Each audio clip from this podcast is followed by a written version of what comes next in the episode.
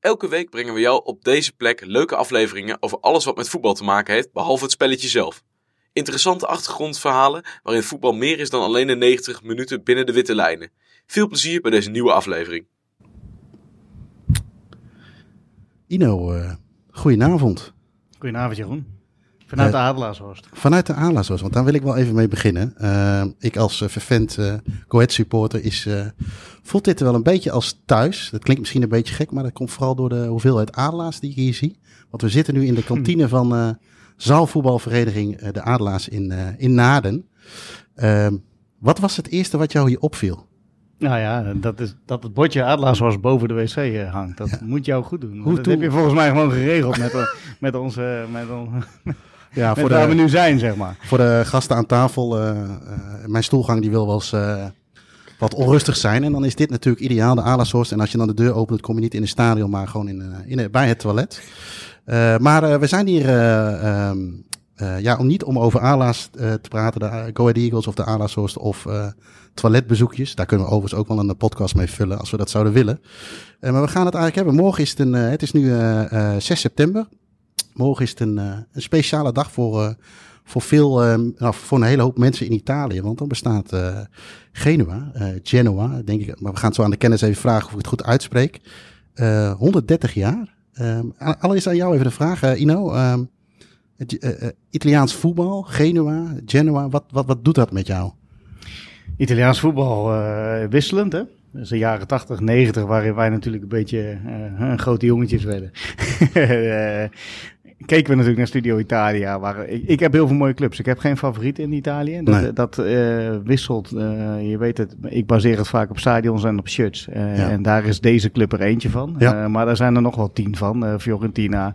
En dan ben je weer een tijdje van Fiorentina omdat Batistuta er speelt. En weer een tijdje van Lazio omdat Signori er speelde. Eigenlijk een soort glory en, en, natuurlijk met Maradona door Napoli. Ja.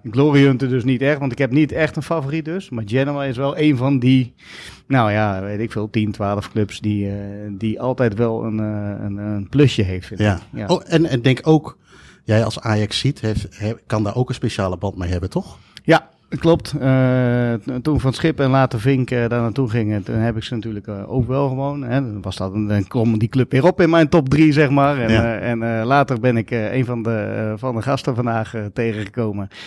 want ik heb altijd zoiets, ik weet niet hoe jij dat hebt, maar Genoa Sampdoria is mij om het even. Ze hebben allebei spelers in hetzelfde een prachtige stadion, waar ik graag nog een keer naartoe wil.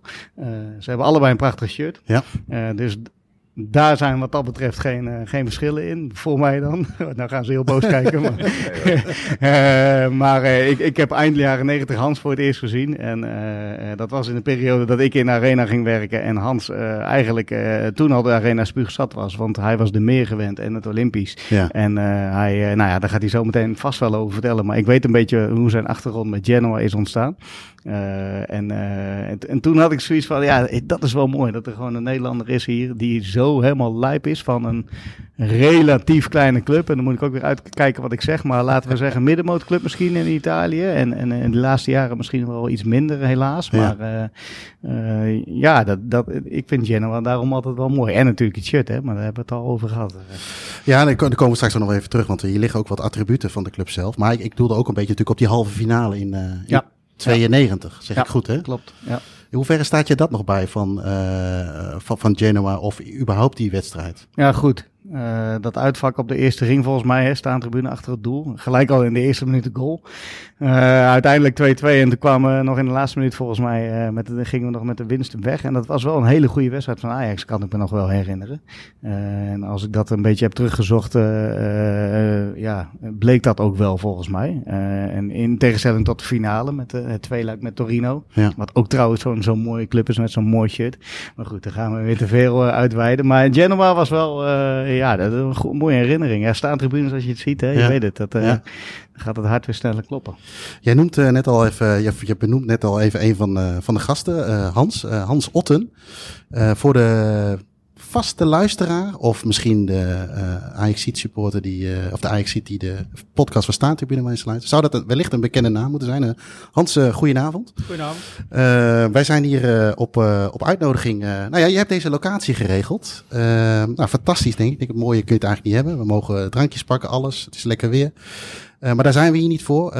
ja, je bent buiten Ajax ziet om. We hebben jou uh, te gast gehad in de podcast over KV Mechelen tegen Ajax in 88. Fantastische verhalen. En na de tijd, uh, of misschien ook wel voor de tijd, ik weet eigenlijk niet, hadden we het ook even over Italiaans voetbal. En toen dacht ik van, nou, mocht er een keer een moment komen dat we iets met Genoa gaan doen, dan, uh, of Italiaans voetbal, dan moeten we bij, sowieso bij Hans zijn.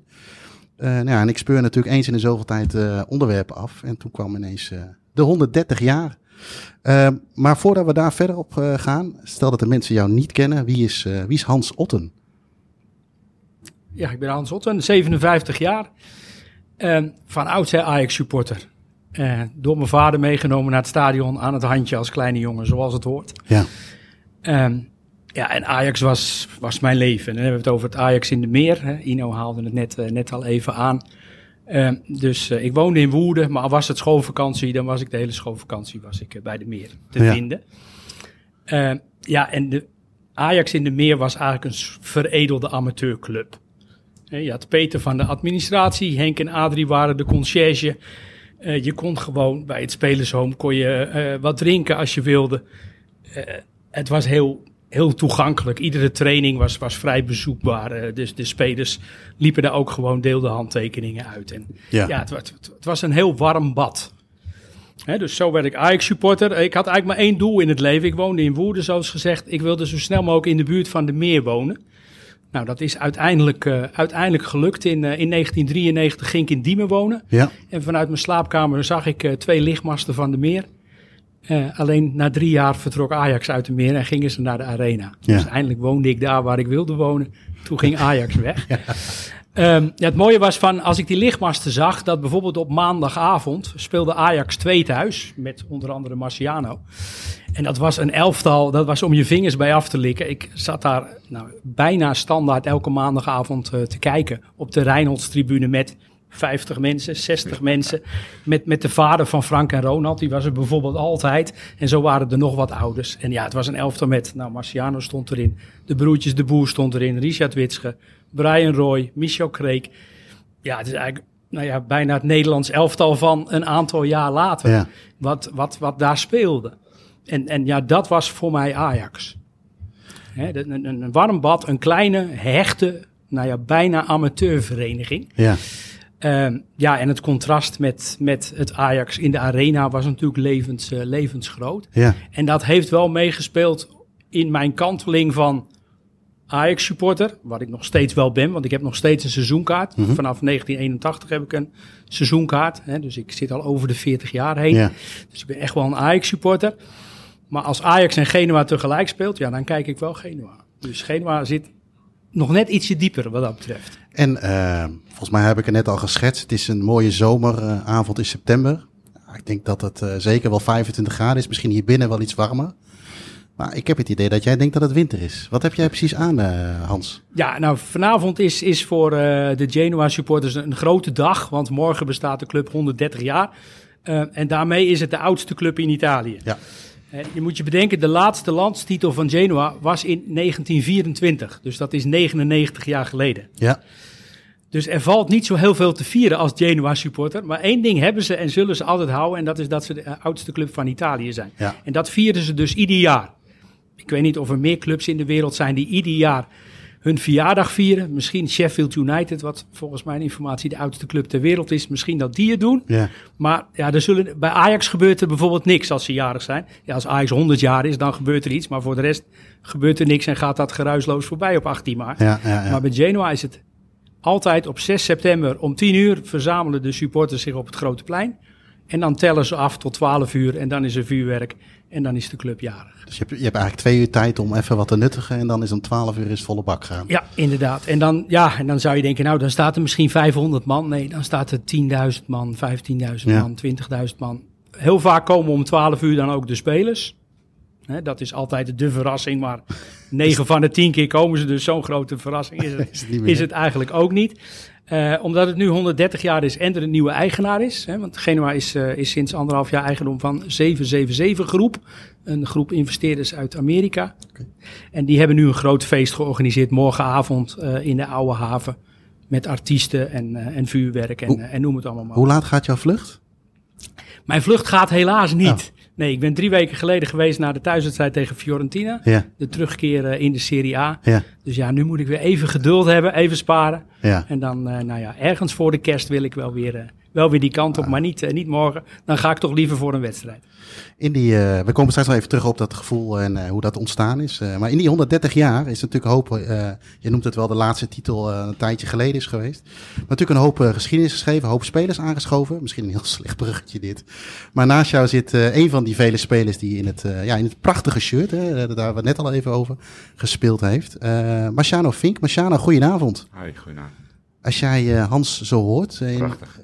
Ik denk vanuit het Ajax-stuk al, maar daarna... Nee, maar ja, gewoon die, de, de, de passie. En, en dat herken ik wel van de, de supporters eh, in Italië. En dan met name de Genua supporters, die ik dan wel wat beter eh, heb leren kennen. Maar de passie en, en zo'n eh, toewijding als dat, dat ik hier ja, van Hans hoor, dat is, ja, dat is prachtig om, om gewoon naar te luisteren. En ademloos heb ik geluisterd hoe hij eventjes in een aantal zinnen eh, zijn liefde voor eh, twee clubs. En dan met name de Genua uitlegt. Mooi. Ehm, jij bent eh, lid geweest van de selectie van 1993 en 1994. Eh, tweevoudig international. Ik, ik, ik heb dit allemaal even op moeten zoeken, Ja, maar dat weet ik allemaal niet uit mijn hoofd. En eh 14 duels uiteindelijk gespeeld voor, eh, voor Genoa. Ik dacht 13, maar 13. het kunnen er 14 zijn hoor. Nou, dan moeten we Wikipedia misschien even aanpassen. ik Ja. dacht ook 13. 13, oké. Misschien dat... weet ik wel? zal wel even toelichten waar dat ook grotendeels aan lag. En ehm, ja, kijk, in, in die periode mochten er maar drie buitenlanders Ja. spelen. En Genua was een relatief kleine, kleine club die eh, het jaar daarvoor natuurlijk eh, het fantastisch had gedaan in Europees. En het jaar daarvoor volgens mij ook nog wel redelijk. Alleen, ehm, ja, als je dan met eh, Petrescu en Lajos Detari, Scouravi, die een god in, in Genua is. En dan heb je Vinken van het Schip.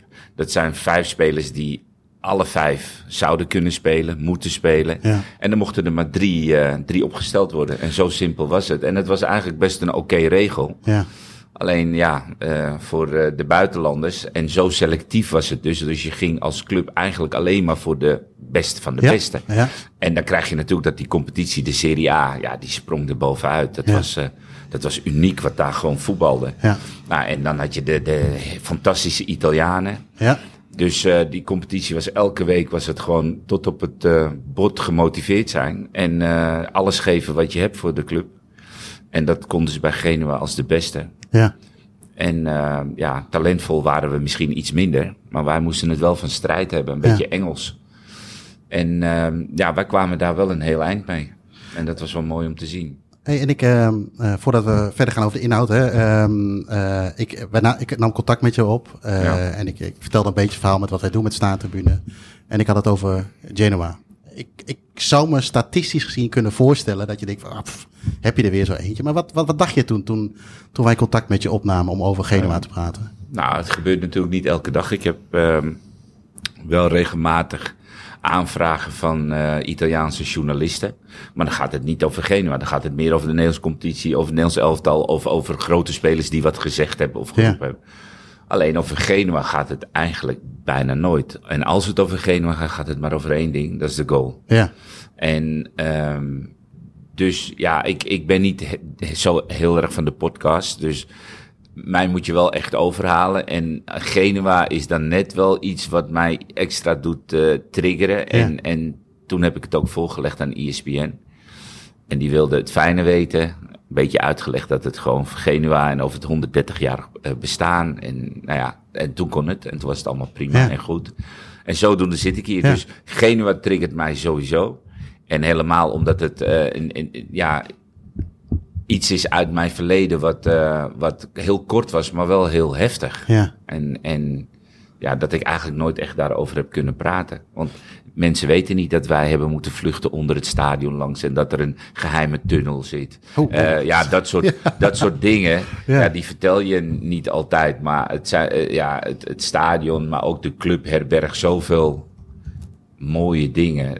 Pio Dodici, dat trainingscomplex, dat, is, dat lijkt wel een vervallen... Ja, met al die beelden en eh, je- je komt eraan en je denkt, is dit de train... In die tijd, hè, het zal Ja. nu veranderd zijn, maar dan kom je eraan en denk je, is dit het trainingscomplex? Staat een soort half kasteeltje met daaromheen velden. Waarvan sommige velden eigenlijk niet eens af waren, had ik het idee. Maar goed, die charme, ja, dat, dat maakte wel Genua. Ja, en eh, wat we eerder zeiden, eh, ook een beetje de context. want We gaan natuurlijk meer over Genua eh, breed hebben. Maar als we even kijken in de tijd dat jij daar hebt gespeeld, eh 93, 94, eh, waren er, ik ga even snel naar 1, 2, 3, 4, va- eh 1, 2, 3, 4, 5, 6, 7 Nederlanders, zeg ik dat goed? We hadden Gulle, Ruud Gullit bij Sampdoria, Brian Roy bij Foggia, Aaron Winter bij Lazio, Dennis Bergkamp en Wim Jonk bij Inter en natuurlijk John van Schip en jijzelf bij, bij Genua. Wij zijn groot geworden met de, de, de drie van Milan. Ja. Eh, en daarna kwamen natuurlijk eh, de, de lichting zoals jullie. Eh, het was de 91 strijd om de Scudetto die gewonnen werd door, eh, door Milan. Eh, wat mij opviel overigens was dat er toen vier degradanten eh, waren. Ik weet niet of dat nu nog zo is. Nu drie. Drie. Maar vier dat is best wel eh, boem, wegwezen. Hè? Geen, eh geen promotie-degradatieduels. Topscorer dat seizoen werd... eh, weet, je, weet je wie de topscorer dat seizoen werd, uh, Marciano? Of je, dat je denkt dat de topscorer werd? Nou, zie eh, Fi- niet even.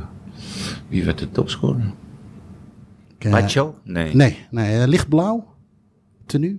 Oh, eh Signor, Signori. Ja, Signori. eh, Beppe Signori was het, hè? Beppe Van Lazio. Ja, Lazio, 23 goals. Vond ik eh, relatief veel voor die tijd, denk ik, voor topscorers. Eh, en eh, ja, misschien moet ik het hier niet zeggen, maar eh, wie, wie heeft de Coppa Italia dat jaar gewonnen? Sampdoria. Ja. Eh, in overigens een, eh een tweeluik met eh, Ancona. Dat vond ik ook wel bijzonder. Sampdoria had wel een fantastisch el- elftal. Hè? ja, die werden volgens mij tweede of derde dat Ja, jaar. die, die werden En, het jaar ervoor volgens mij kampioen. Met Gullit. Met Ja, en toen de denk ik, Champions ja. League finale Ja. met, met Koeman. Ja, Dus die hadden echt een super elftal. Een Fjerkowood, dat was gewoon de slager van de Serie A. ja. En, en daar stonden gewoon Jugovic. allemaal topspelers. Die, Die, die, in- Carlo van een- Lombardo stond erbij. Ja, Ja. Mancini, Ja, Vialli. Mancini, Ja. Vialli, Gullit. Dat was echt... ehm, eh, David. Ja. Dat was echt een heel goed team. En wij speelden volgens mij dat jaar twee keer 1-1 tegen ze. Klopt. Dus ehm, Klopt. wij waren zo slecht nog niet.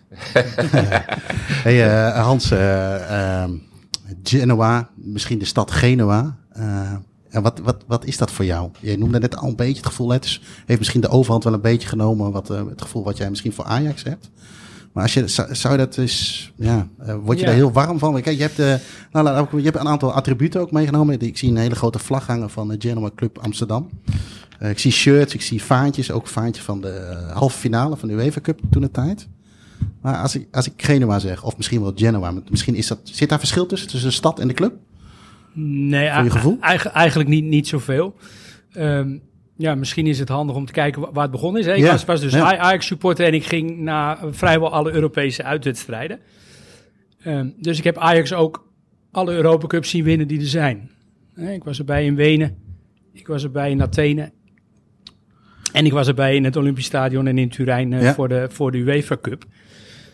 Ehm, en ja, tijdens die trip hè, van, van acht jaar, zeg maar van 1987 tot en met 1995, eh, ja, deden we ook Genoa aan. En dat was de eerste Italiaanse wedstrijd die Ajax speelde sinds de jaren 70. Dus voor mij was het de eerste wedstrijd in Italië. Ja.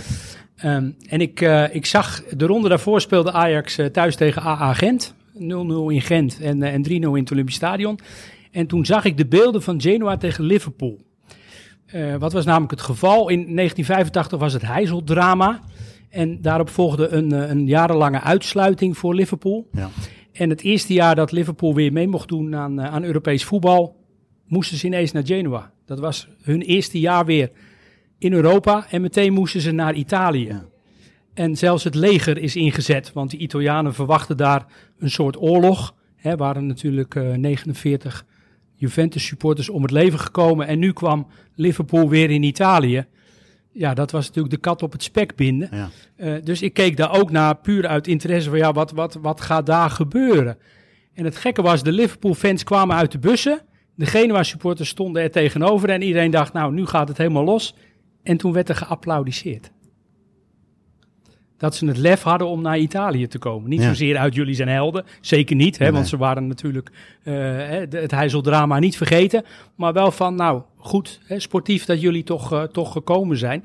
Eh, vervolgens is er helemaal niets gebeurd en bij de return zijn ze zelfs halve vrienden geworden, hoewel dat nog wel moeilijk was gezien, gezien de historie. Hè, maar er zijn totaal geen, geen rellen geweest. Nee. En dat vond ik wel heel bijzonder. Toen dacht ik, oh, die Genoa supporters, die doen niet wat de meeste supporters doen. Die denken niet na en doen wat en dan later denken ze, is dat wel handig? Nee, zij dachten eerst na en gingen klappen en er is niks gebeurd. Dus zo gingen wij eigenlijk naar, eh, naar Genoa toe. Eh, ik ging met de bus, Ajax-bus het Gooi. Marciano kent het misschien wel van eh, Henk van Wely, dat was de conciërge. Die reed ook met zijn bus naar alle uitwedstrijden.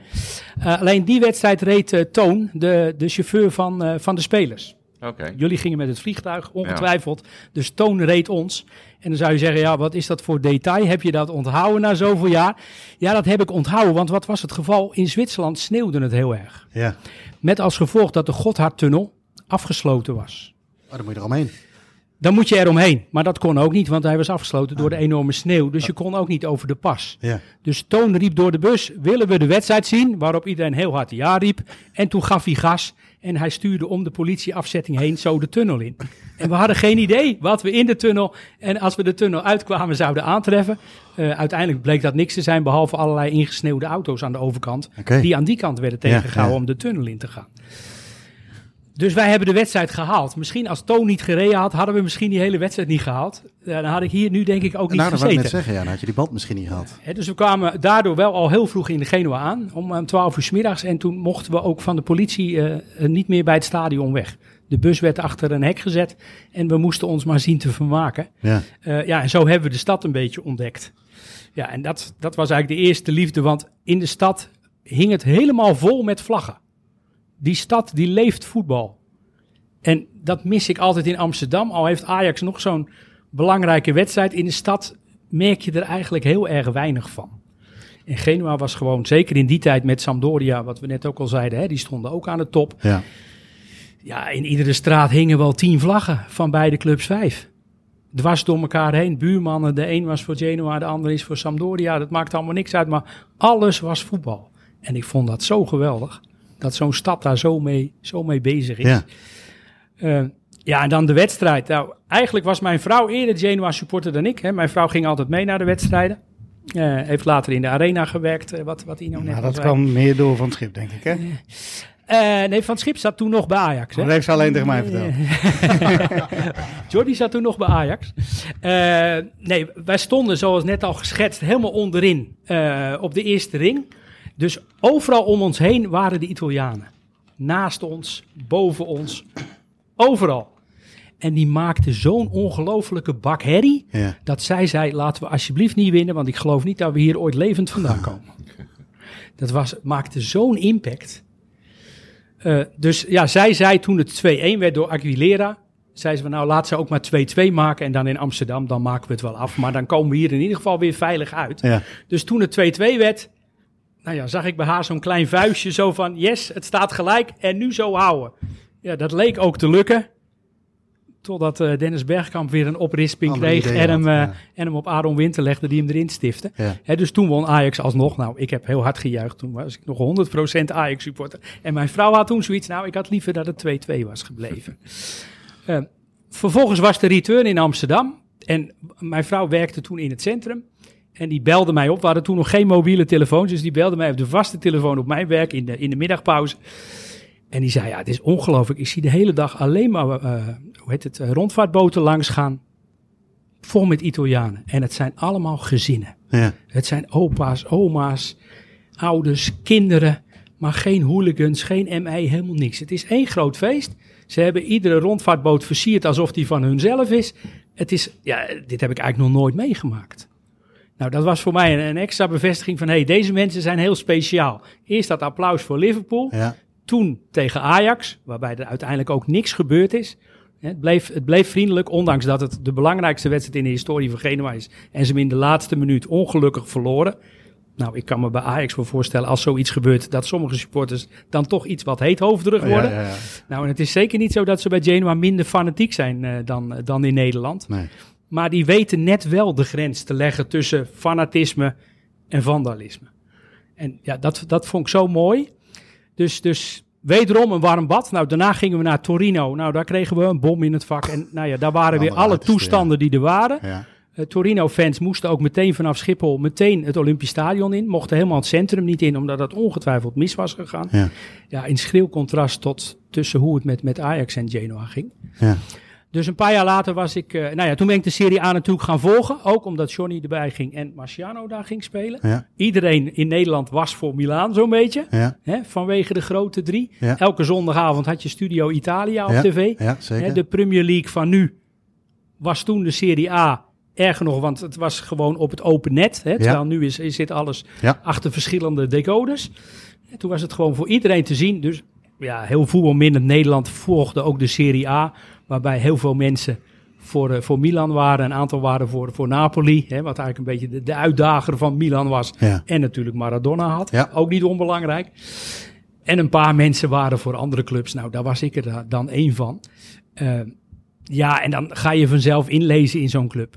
Nou, toen in 95 won Ajax eh, de finale in, in Wenen. Ik wilde toen de Genoa-vlag ophangen. Hm, De vlag die hier nu hangt, had ik toen ook al. Ja. Ik heb ook bewust eh, de fanclub eh, Genoa Club Amsterdam genoemd, want dat Amsterdam moest erin. Het is wel de combinatie Ajax en Genoa, Ja. of Amsterdam en Genoa, de steden. Hè, dat moest, moest er voor mij wel, eh, wel in. Maar dat heb ik niet gedaan, want een Genoa-fan was vlak daarvoor vermoord door een Milan-fan. Oh ja, daar kan ik me wel iets van herinneren. Milan en Genoa hadden van oudsher banden met elkaar, vriendschapsbanden. Maar ja, overal kan een gek rondlopen. Ja. En bij Milan liep ook een gek rond Ja. en die stak een Genoa-supporter dood.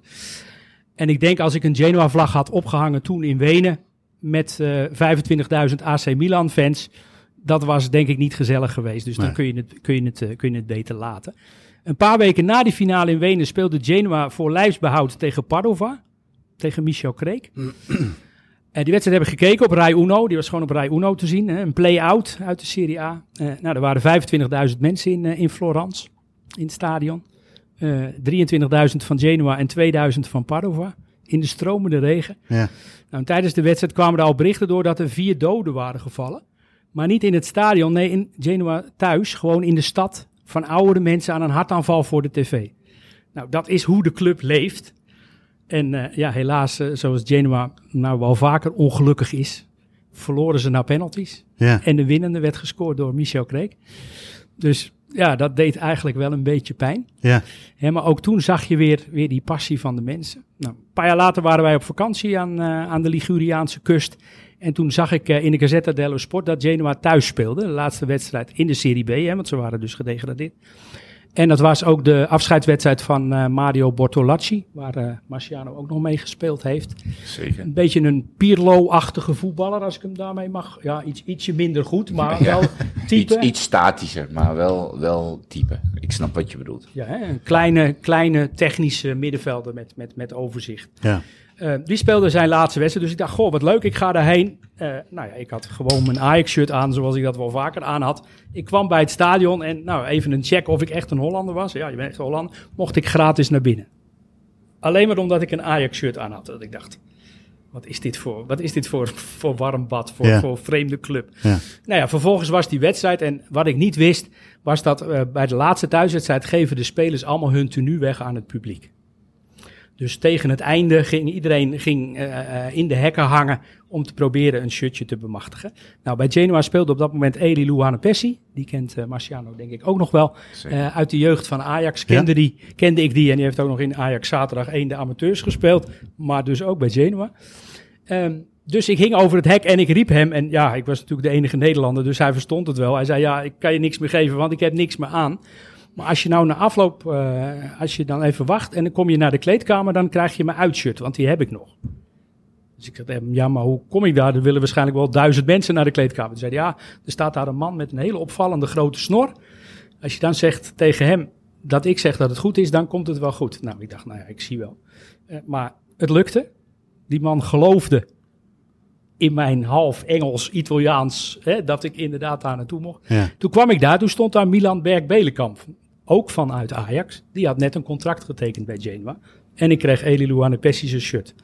Toen dacht ik, ja, hoe uniek is dit? Ik kom met een Ajax-shirt naar een stadion. in Italië en ik mag gratis naar binnen omdat ik een Ajax-shirt Ja. aan heb. Nou, dat is al heel vreemd. Ja. Vervolgens sta ik hier bij de kleedkamer met twee Nederlandse jongens vanuit Ajax, waar je gewoon mee staat te kletsen. Eh, Ja, het was, het was eigenlijk te bizar voor woorden. Dus ik dacht, nou, dit is zo mooi, ook gezien de geschiedenis met die wedstrijd om de UEFA Cup, Ja.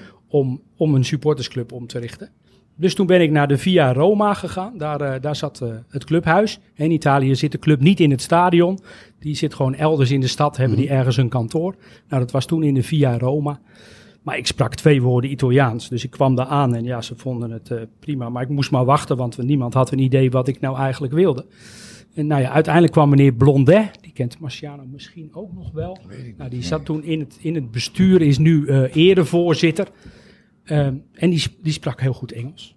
Ja. Dus eh, die zei, nou, dat is hartstikke goed. Eh, Ja. Wil je een fanclub starten voor Nederland, maar je noemt hem Amsterdam? Nou ja, oké, dat snapte hij dan wel.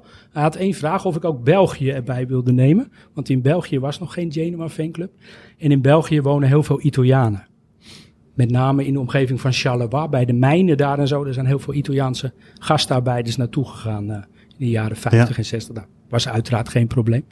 Dus, dus toen was Genoa Club Amsterdam geboren. Dat was in 98, dus dat is nu 25 jaar geleden. Jubileum, hoor ik. En drie, en drie weken geleden was ik dus bij Genoa Fiorentina en daar kwam ik meneer Blondet tegen. En al die mensen die daar waren, er waren er 30.000, kennen allemaal meneer Blondet, maar hij kent natuurlijk zelf maar een heel klein fractie. En hij liep op me af en hij begon tegen me te praten. Toen zei hij, ja, jij bent toch die Hollander? Nou, dat vond het ongelooflijk. Na 25 jaar dat Ja. hij dat nog wist. Ja. En toen zei hij, ja, dat weet ik, omdat jij bent de enige niet-Italiaan die een supportersclub heeft opgericht. Oké. Er zijn supportersclubs over de hele wereld, maar dat zijn allemaal geëmigreerde. Italianen. Ja. Of kinderen van geëmigreerde Italianen. Ja. Ja. en ik ben de enige gekke Hollander die dan zo'n Italiaanse fanclub opricht. Dus daaraan heeft hij het onthouden. Maar ik vond het wel heel bijzonder dat zo iemand, Ja. De erevoorzitter jaar. van een club, Ja. terwijl toen had ik een, eh, een bos met, eh, met zwarte haren en nu ben ik bijna Bijna kaal. Dus ik zie er toch wel wat anders uit inmiddels.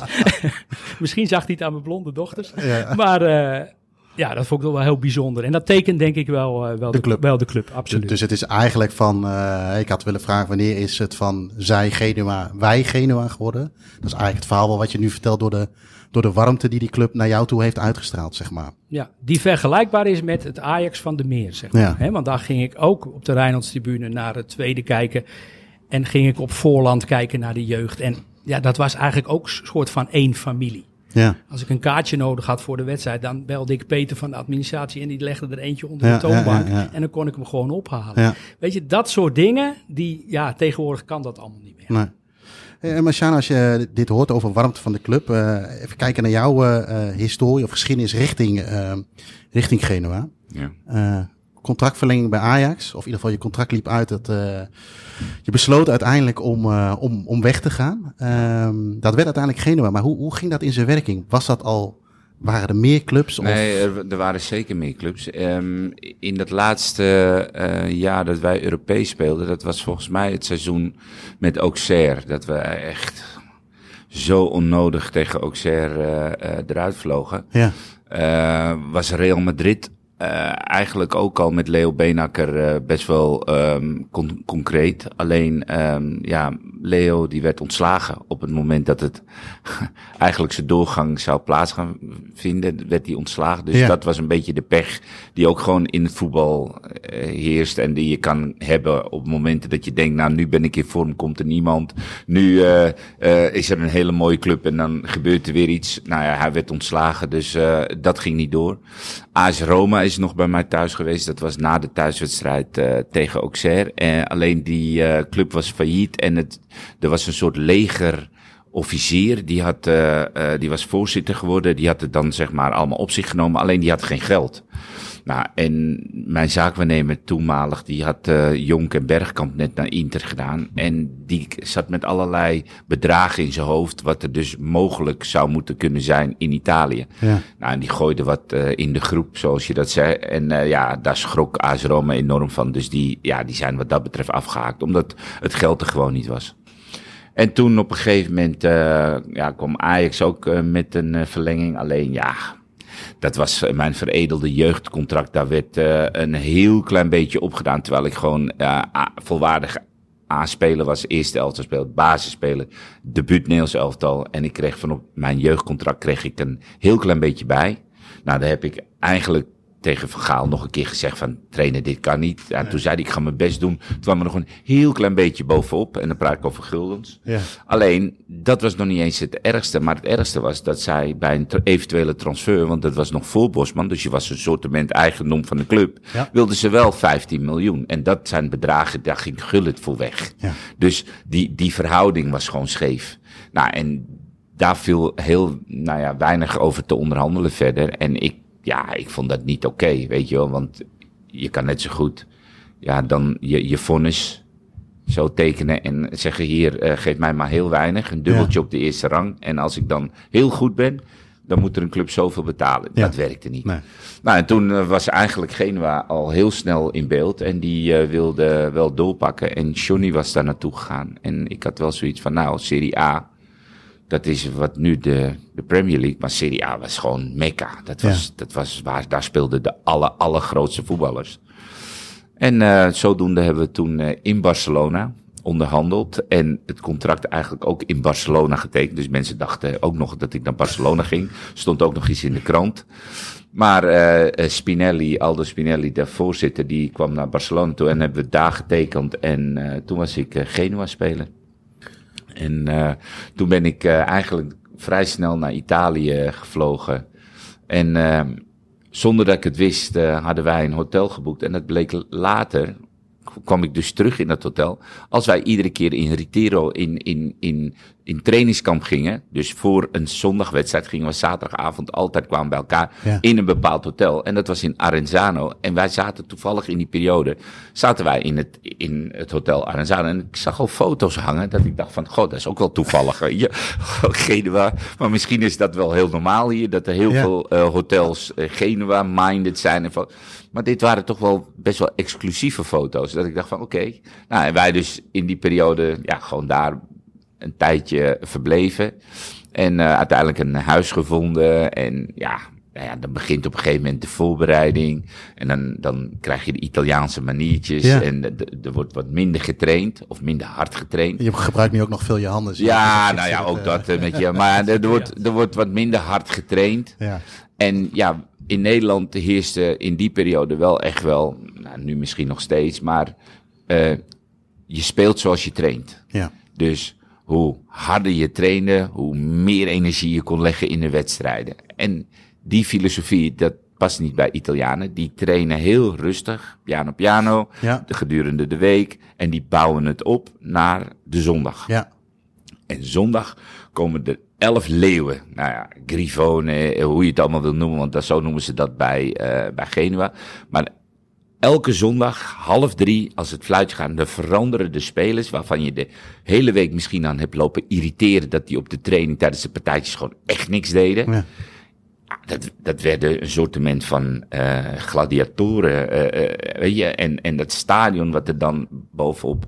En ik had daar best wel moeite mee. En, en ik zei al, ik kom wel terug op het feit waarom ik maar 13 wedstrijden. Ik had best wel moeite, omdat wij gewend waren bij Ajax om heel hard te trainen.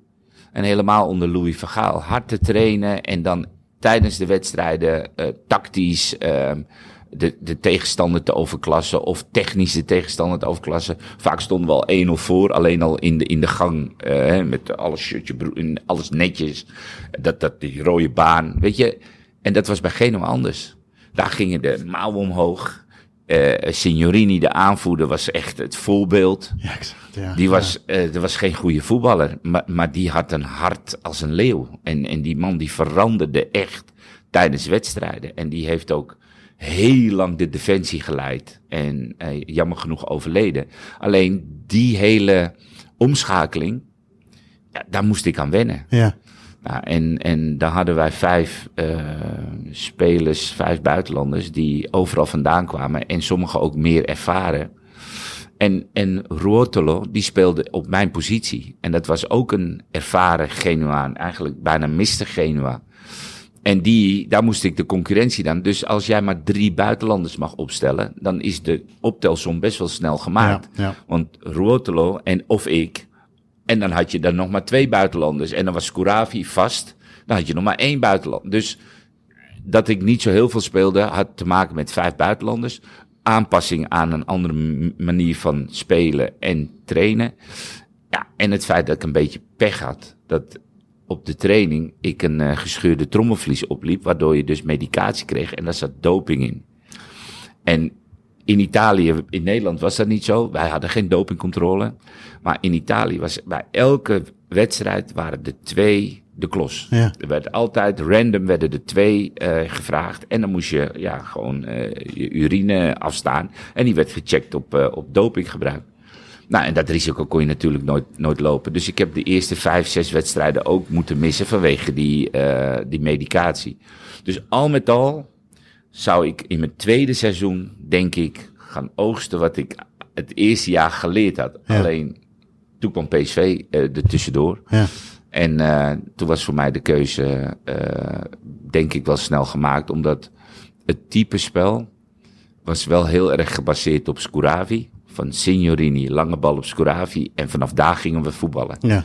Nou, en als je dan middenvelder bent, wordt het lastig.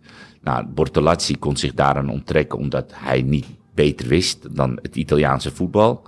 En hij was een middenvelder die dat eigenlijk wel prima vond. Die kon af en toe zijn paasjes, af en toe een mooie vrije trap erin schieten. En die had dat wel. Rotolo, dat was eigenlijk een, een, een als je naar hem keek, dacht je, dit is een Jerommeke. Maar hij kon beter voetballen dan dat je dacht. Weet je? Dus Ja. het was wel een technisch begaafd iemand in een lichaam van een, eh, een, eh, een, ja, eentje die erop wilde kletsen. En dan had je aan de andere kant Honorati en dat was een hele sierlijk. Dus die waren daar wel aan gewend. Maar als jij vanuit het Ajax van achteruit opbouwen en eh, ja, weet je, de buitenkant aanspelen, laten vallen, andere kant zoeken. Dat waren allemaal patronen die Ja. in mijn hoofd zaten, die er totaal niet uitkwamen. Nee. Nou, en toen werd ik ook nog een keertje in een vriendschappelijke wedstrijd rechtsback geprobeerd. En dat deed ik echt fantastisch. Dat ik dacht, oh, ik moet niet hebben dat ik rechtsback hier ga worden. weet je? Maar dus zo, zo zit je dan, weet je, in een Ja. hele nieuwe omgeving, Ja. nieuwe wereld. Wat, hoe oud was je toen je die kant op ging? Ehm 22, denk ik. Ja, ze valt ook niet te onderschatten. Hè? Ik, eh, Nee, maar daarom, kijk, zoals nu bijvoorbeeld eh, ja, even Gravenberg naar eh, Liverpool toe gaat. En hij tijd voor zichzelf nodig heeft. Dat snap ik. Ja. Want je komt in een andere wereld. Je komt in een situatie waarin je je moet aanpassen aan. En je hem ook jezelf moet laten zien. Nou, dat moest ik daar ook. Weet je, je komt in een, in, in een club waarin best wel heel veel spelers elkaar kennen. Ja. Ze hebben al successen gehaald met Pato Aguilera, Branco die er speelde, die allemaal weggegaan zijn. En ze kijken naar nieuwe. Ja, want hoe kwam jij daar binnen? Want je je kwam Nou. natuurlijk binnen als een Nederlands voetbal. Hoe stond je erop? Nou ja, er werd al een beetje gezegd dat ik leek op Frank Rijkaard. En daar, dat zat ook wel in mijn spel. En het le ik leek ook wel een beetje qua spel op Frank Rijkaard. Alleen ik was mezelf. Alleen als het eens ergens gezegd wordt en het wordt ook in de Gazette opgeschreven. Ja. Ja, dan moet je vechten tegen de grootheid die Frank Frank Rijkaard is. Ja. En dan moest je. Dus ja, dat was m- even, even minder. Maar men kwam er al gauw achter dat ik wel gewoon mezelf was. En ehm, ja, de wedstrijden die ik speelde. Probeerde je dat zo goed mogelijk aan die rechterkant in te vullen. En voor mij was dat eigenlijk ook pas mijn tweede jaar dat ik aan de rechterkant voetbalde. Want ik kwam bij Ajax in het eerste als, als verdediger, als Ja. inschuivende laatste man. En toen was Van Gaal in één keer, die vond dat daar Jong moest komen te spelen. En dat hij zag in mij meer een rechter middenvelder. Nou, pas op de plaats gemaakt. Aaron Winter ging naar Lazio. Toen kon ik als rechter middenvelder. Ik heb mijn beste seizoen als rechter middenvelder gehad onder Van Gaal. Dat was dat jaar. Alleen dat jaar erop vertrok ik naar Italië als rechter middenvelder. Waar ik eigenlijk pas één seizoen rechter midden in een Ajax-systeem. Dus dat was, het, het was allemaal te veel, eh, een beetje te veel van het goede. Alleen daarin vond ik uiteindelijk wel richting het einde van het seizoen mijn weg. Met die goal. Ja. Waardoor in één keer een heel veel respect eh, kwam vanuit spelers, club, supporters. En men het in één keer heel erg verschrikkelijk vond dat ik wegging. En toen? Was PSV er toen al? Of, eh, Nou, heb je nog getwijfeld nee, bijvoorbeeld? Nou, ik wilde weer Europe. Kijk, ik wist dat met Scuravi, die echt last had van zijn knieën. eh m- Scuravi scoorde, eh, met- als hij een doelpunt maakte, deed hij altijd een, eh, een, een salto. Ja, dat ging zelfs al moeizaam, snap je? Dus ook Scuravi werd ouder. Ja. Ehm Lajos Detari ging weg. Dus het elftal wat de Furo- Furore had ge- ge- gemaakt in de, in de UEFA Cup. dat begon langzaam een beetje af te brokkelen. En er waren wel andere spelers, jonge spelers als Cavallo en dat soort jongens kwamen. Murgita. Alleen, ehm, ja, als dan PSV komt en PSV heeft een plan met Niels, Ronaldo. En ja, dan was het niet zo heel moeilijk om dan voor PSV te kiezen. En te zeggen, ik weet niet hoe lang Genua, want we hadden best wel op de toppen van onze tenen lijstbehoud behaald. Richting het einde wonnen we best wel veel wedstrijden. We wonnen bij Inter 1-3. Nou, dat zijn Ja. echt uitslagen die had ik ook niet verwacht. En, en mooie uitslagen, maar ook wedstrijden waar ik terug wil komen op dat we moesten vluchten. Dat we thuis van Piacenza hadden moeten winnen. Speelden we 1-1. Ik miste een kans. En ik miste daarna een iets moeilijkere kans. Maar we speelden 1-1. En eh, om aan te geven, jij zegt dat de supporter vredelievend en eh, leuk is. Dat is waar. Alleen er zit, zitten er ook een aantal bij. En dat heeft elke club. Waarbij het randje tussen, zeg maar, supporter zijn en toch gewoon hooligan best wel heel dun is. Want ik, ehm wij, wij speelden 1-1 en op een gegeven moment, ehm eh, mijn toenmalige vriendin, die, eh, die, kijk, bij Genua, de, bus reed, zeg maar, de helling af richting het stadion en die, die parkeerde daar. Ja. Alleen, wij als spelers hadden onze auto bij het eh, hotel geparkeerd, waar wij dus altijd de avond ervoor gingen slapen. En dan gingen we met de bus naar het stadion. Ja. Nou, op een gegeven moment moesten wij dus eigenlijk ook met eh, eh, de bus terug. Maar wij hadden besloten dat de auto's, die kwamen met de vrouwen, met de auto's, en die konden het gewoon bij het stadion parkeren. En dan konden wij gewoon met de auto naar huis. Hoefden we niet nog helemaal de toestand. Maar goed, wij speelden 1-1. En ehm wij hadden ook altijd een, iemand van de Digos. En de Digos, dat is de drugs... ehm Zo'n drugssquad, weet je wel. Dus dat is echt eh undercover politie. En, Oké, eh, maar ja. e- één Ja. iemand die ons altijd beschermde uit en thuis. Die ging altijd mee undercover. Hebben ze nu nog, hè? Nou, in ieder geval, dus die, ehm die zei tegen mij, Marciano, blijf maar even binnen, want het is onrustig. Maar ik zeg, hé, kom op zeg. Ik zeg, ik ga gewoon naar huis. Hij zegt, wacht nou maar. En die gasten, die andere spelers, die bleven allemaal in de kleedkamer en of in het halletje. En ik zeg, kom op, dat zal echt wel meevallen. Ik zeg, ik ga naar boven. En dan moest je bovenlangs even over de straat. En dan kon je rechts, ik denk 25 meter naar beneden. En daar was een parkeergarage, open parkeergarage waar de auto stond. Dus hij zegt, weet je wat, ik loop met je mee. Dus hij liep met mij mee en ik zo die, die helling op, helling op. En ik zag al supporters bij het hek. Hek ging een klein beetje open, dat wij naar buiten konden. En hij pakte me eigenlijk al zo'n beetje vast. En er was zo'n afzetting, een kleine afzetting, maar daar waren ze al voorbij, overheen, half. En er was één supporter met een glazen oog, vergeet nooit meer, en die komt op me af en die begint te schreeuwen, waarop hij me naar achter trok. En hij, die, die supporter, die wilde mij een schop geven. En ik kon nog net ontwijken, waarop hij me echt naar achter, hij zegt, dit gaan we niet doen. Terug. Dus toen liep ik terug, sta tussen mijn benen, die, de gang in, Ja. waar al die supporters al half lachend zo van, ja, ik weet niet wat jij ging doen. Maar ja, dat was een wijze les. Dat Ja. ik dus, ja, de supporters zijn, ehm, zeg maar, eh, die adoreren je. Die zijn echt fanatieke supporters. Ja. Alleen de resultaten, en dat heb ik ook gezien bij Inter met Bergkamp en Jong, dat ze verloren. En hoe de supporters daar de, de, de auto's opwachten. Dat was echt, daar schrok ik echt van. Ja. Dus, en ook bij Genua was dat dus blijkbaar zo dat je eigen spelers ook aangevallen kunnen worden als ze niet tevreden zijn over mijn inzet. Misschien dat ik gemiste kans of whatever. Ja. Dus eh, ik denk, oké, dit wordt eh, uitzitten, wachten totdat die supporters besluiten weg gaan. Toen zeiden ze, nee, nee, nee, er staan al van die kleine poolmans, dat zijn van die kleine busjes. Hebben we aan de andere kant van het stadion. Ik zeg, ja, andere kant, ik zeg, moeten we toch... Nee, nee, nee, we gaan onder het stadion door. Onder, midden, onder de middenlijn is er een hele smalle tunnel. En dat is echt zo breed als dat mijn schouders zijn. Ja. En dan kan je doorheen en het is laag. En dan kan je eigenlijk een kruip door, sluip door route. Ja. En dan kom je aan de andere kant van het stadion omhoog. En daar stonden de busjes. En die hebben ons toen naar de Casaleggio, dat is zo'n eh, zo'n eh, to- tolhuisje, gebracht. En dan moesten wij dus bellen. Toen waren nog van die eerste te- mobiele telefoons. En dan kon je bellen naar je vriendin, vrouw of whatever. Van hé, hey, we staan daar en daar, kom ons daar maar ophalen. Alleen ja, de volgende dag moet je ook naar de club. Ja. En dat zijn de supporters ook. En die zijn het niet vergeten. Die zijn het niet vergeten.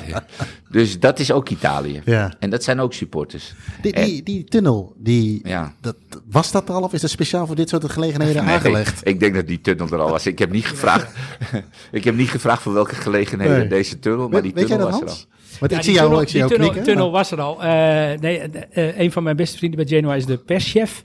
Dino Storatje, maar die was er nog niet op het moment dat Marciano dus speelde.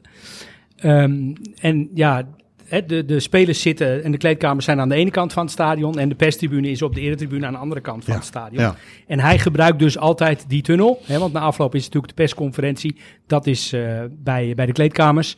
En de perstribune is, is op de eretribune. Dus eh, het is eigenlijk voor de journalisten, zeg maar. Om van de perstribune bij de kleedkamers te komen. Ja. En ja, misschien hebben ze hem zo, zo smal gemaakt. eh, zodat er niet meer mensen dan één tegelijk doorheen kan. Zodat het makkelijk eh, in de gaten te houden is, zeg maar. Ja. Dus voor mij is hij daar oorspronkelijk voor bestemd. Ja, ja, ja. Maar eh, nou ja. Het waar- kwam nu goed, eh goed Het uit. kwam nu heel goed van pas. Nou, en, en nou ja, hun, de woede van de supporter is bijna 90% van de keren gericht op de voorzitter. Ja. Dus Spinelli kon het nooit goed doen. En dan was het watten en wegwezen of wat van Gulo. Je kent al die eh, scheldwoorden wel. En dat werd dan luidkeels gezongen in het stadion ook. Dat ik af en toe dacht, oeh. Maar dat is, dat is aan de tifosi, dat is de, dat is de passie Ja. die zij hebben. En dan is Spinelli de, de, de grote eh boosdoener.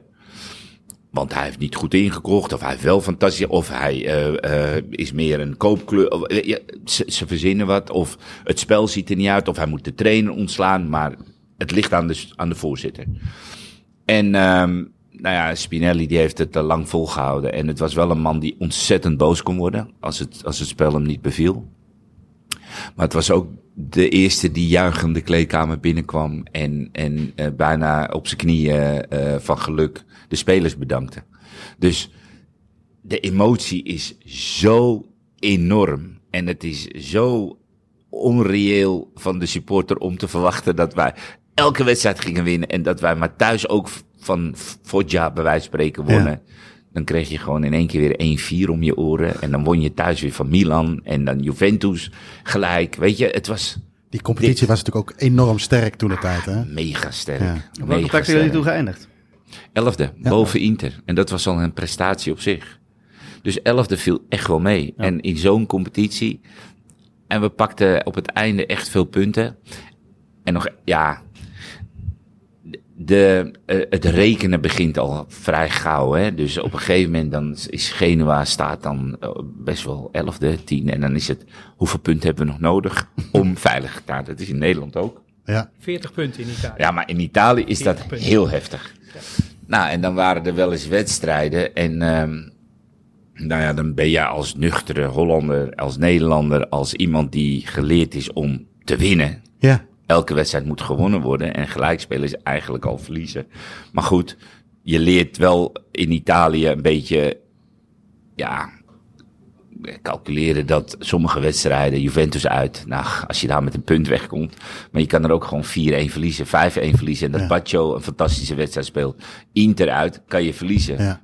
Win je daar, is het vijf weken goed, heroïsch. Ja, ja, ja, ja. Nou, dus zo leer je een beetje kan, ehm, ehm, ja, rekening houden met de zwaarte van de wedstrijden. Alleen richting het einde heb je dus dat eh zoveel punten nog nodig zijn. En dan speel je tegen bevriende ploegen. En ik had geen idee. ja, en als je dan rechts half staat, of rechts buiten in sommige wedstrijden, dat je aan de rechterkant en ja, je krijgt de bal, dan is mijn eerste ingeving, instinct, is naar voren Ja. aanvallen. Nou, en er waren wel eens wedstrijden, dan was het al bij de rust 1-1.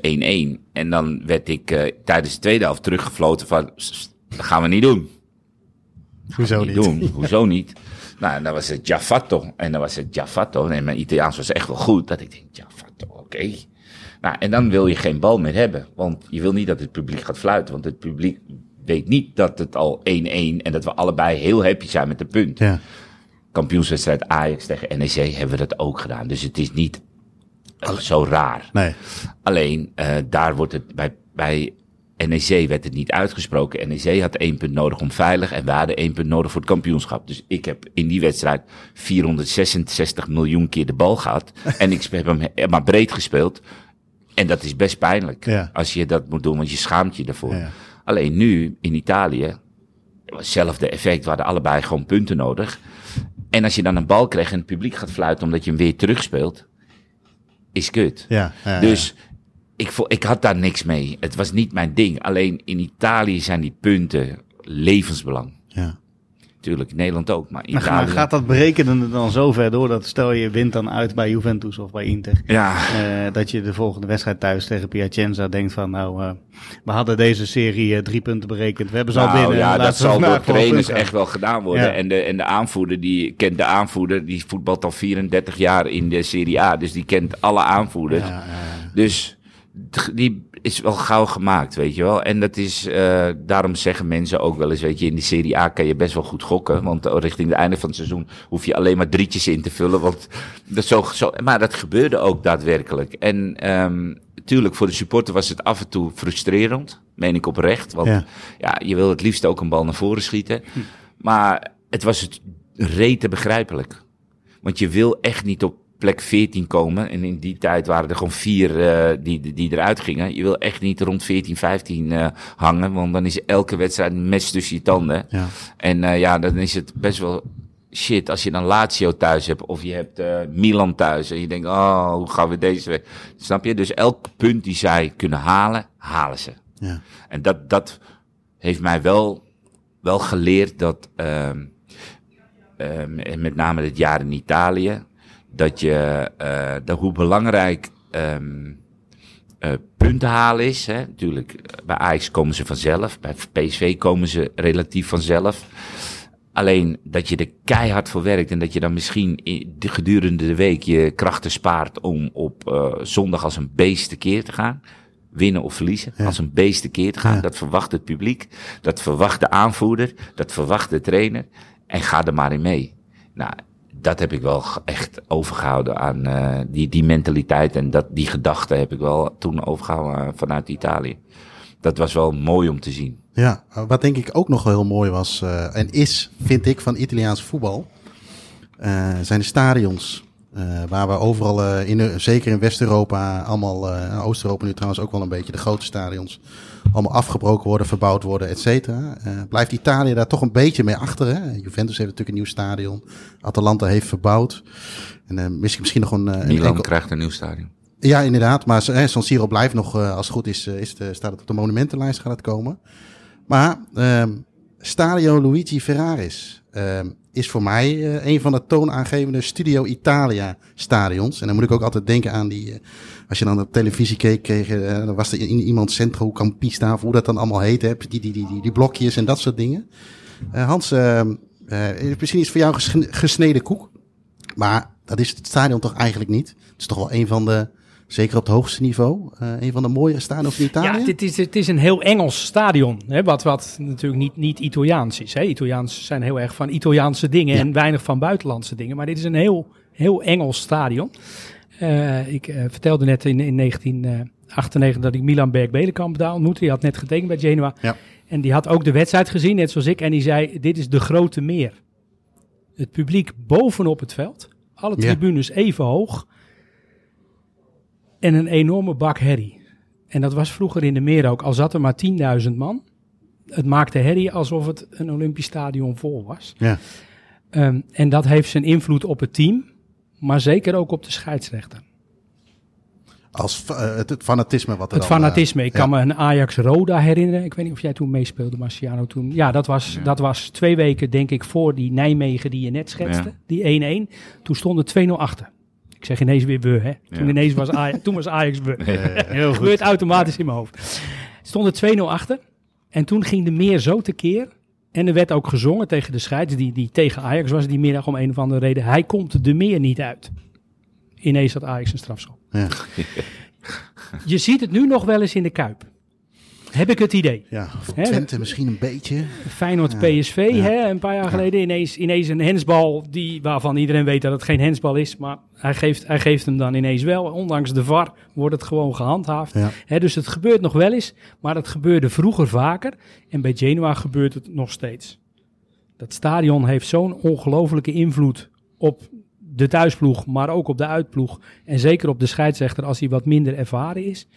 Bovendien zijn Italiaanse scheidsrechters, ik zal niet zeggen allemaal, maar 6 op de 10 is altijd wel een beetje voor de thuisclub. Wat waarschijnlijk komt uh, door, ja, door, door, het publiek, door, door, de, door, door de passie. Je wil de stad wel uit kunnen, zeg maar. Ja. ja.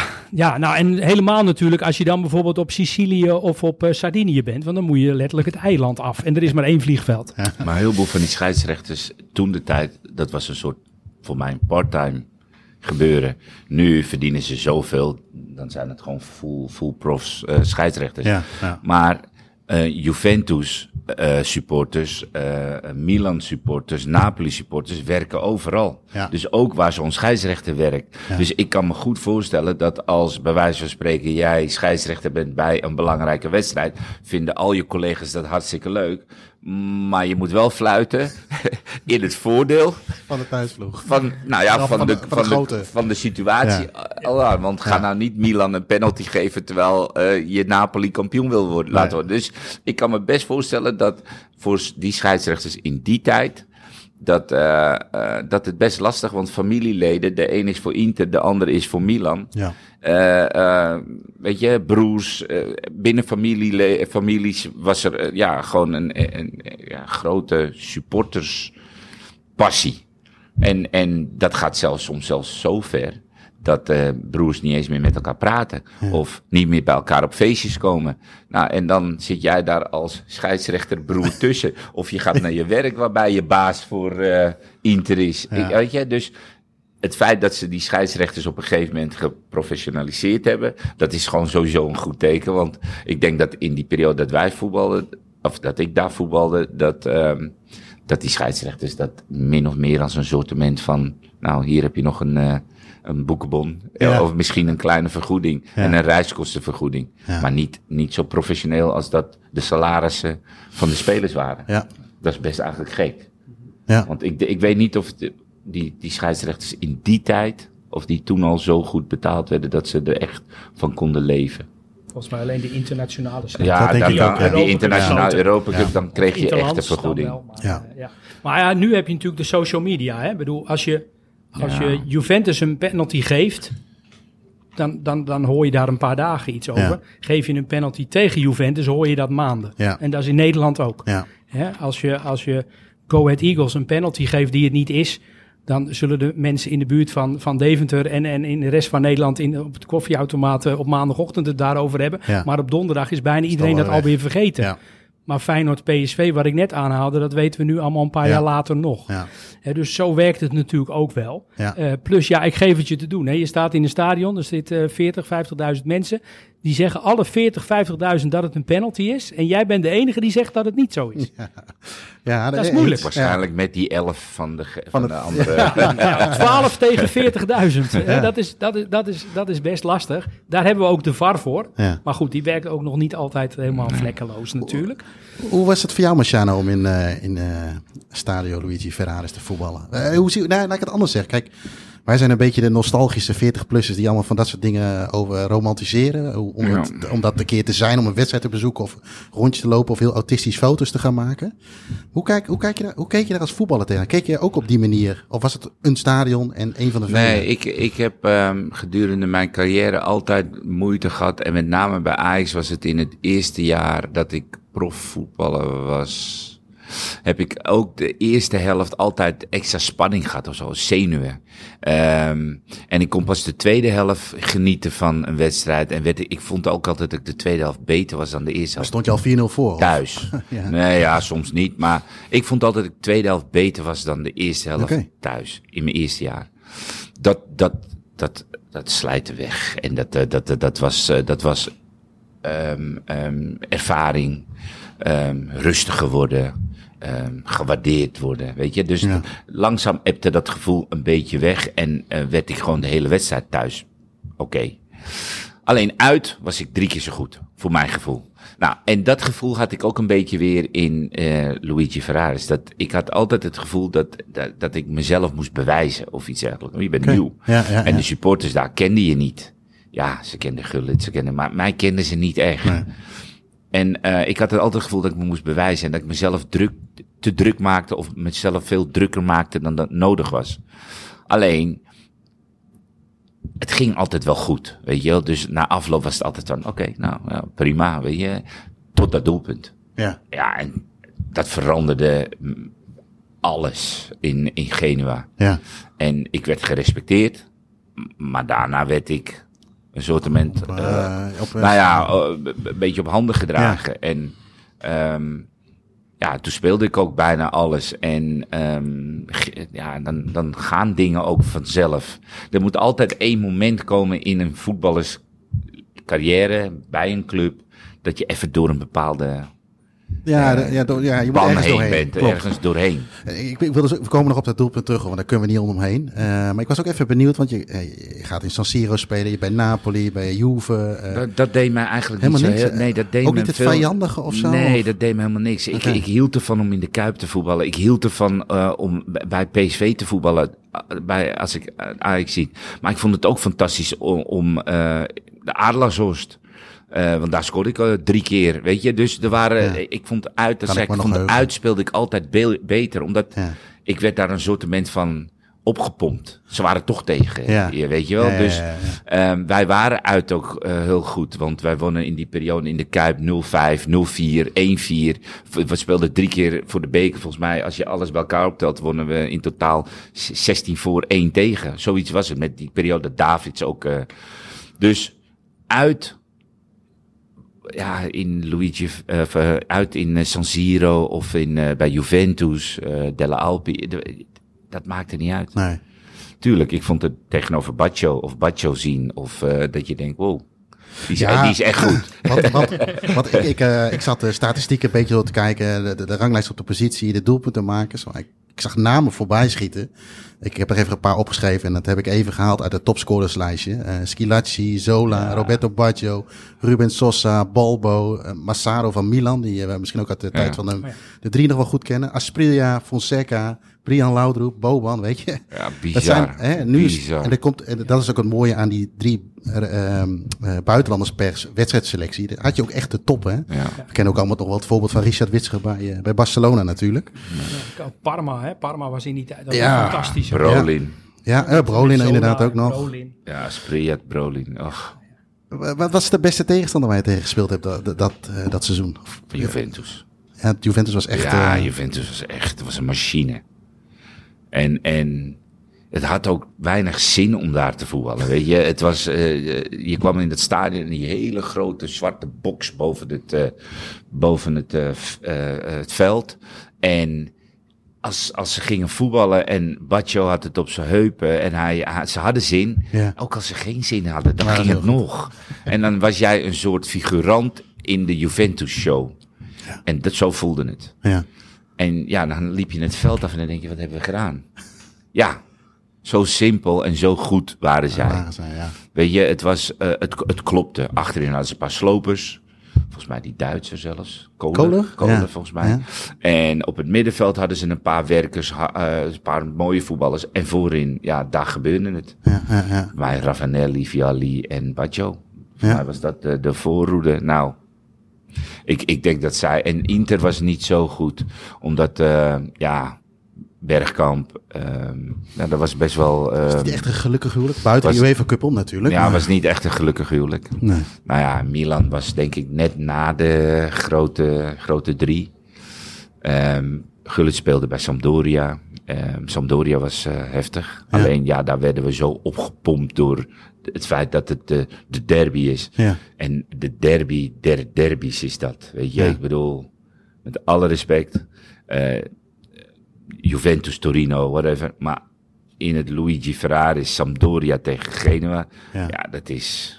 Ik heb hem... eh, Ja, ik, ik, ik zeg het, ik ja. krijg nu al kippenvel over mijn hele, hele lichaam. Ik heb hem, eh, ik doe het even uit mijn hoofd, twee, drie jaar geleden voor het eerst meegemaakt. En ehm, ik, oh, ik, ik, moet al nadenken over de uitslag. Het maakte zo indruk op mij. Ik zat lange zijde, kon dus, wij konden toen eh, beide kanten goed zien. Ja. En het was gewoon echt, eh, het was een avondwedstrijd. Dat helpt natuurlijk ook nog wel eens mee. Of het was in ieder geval donker. Ik weet niet of het een avondwedstrijd was.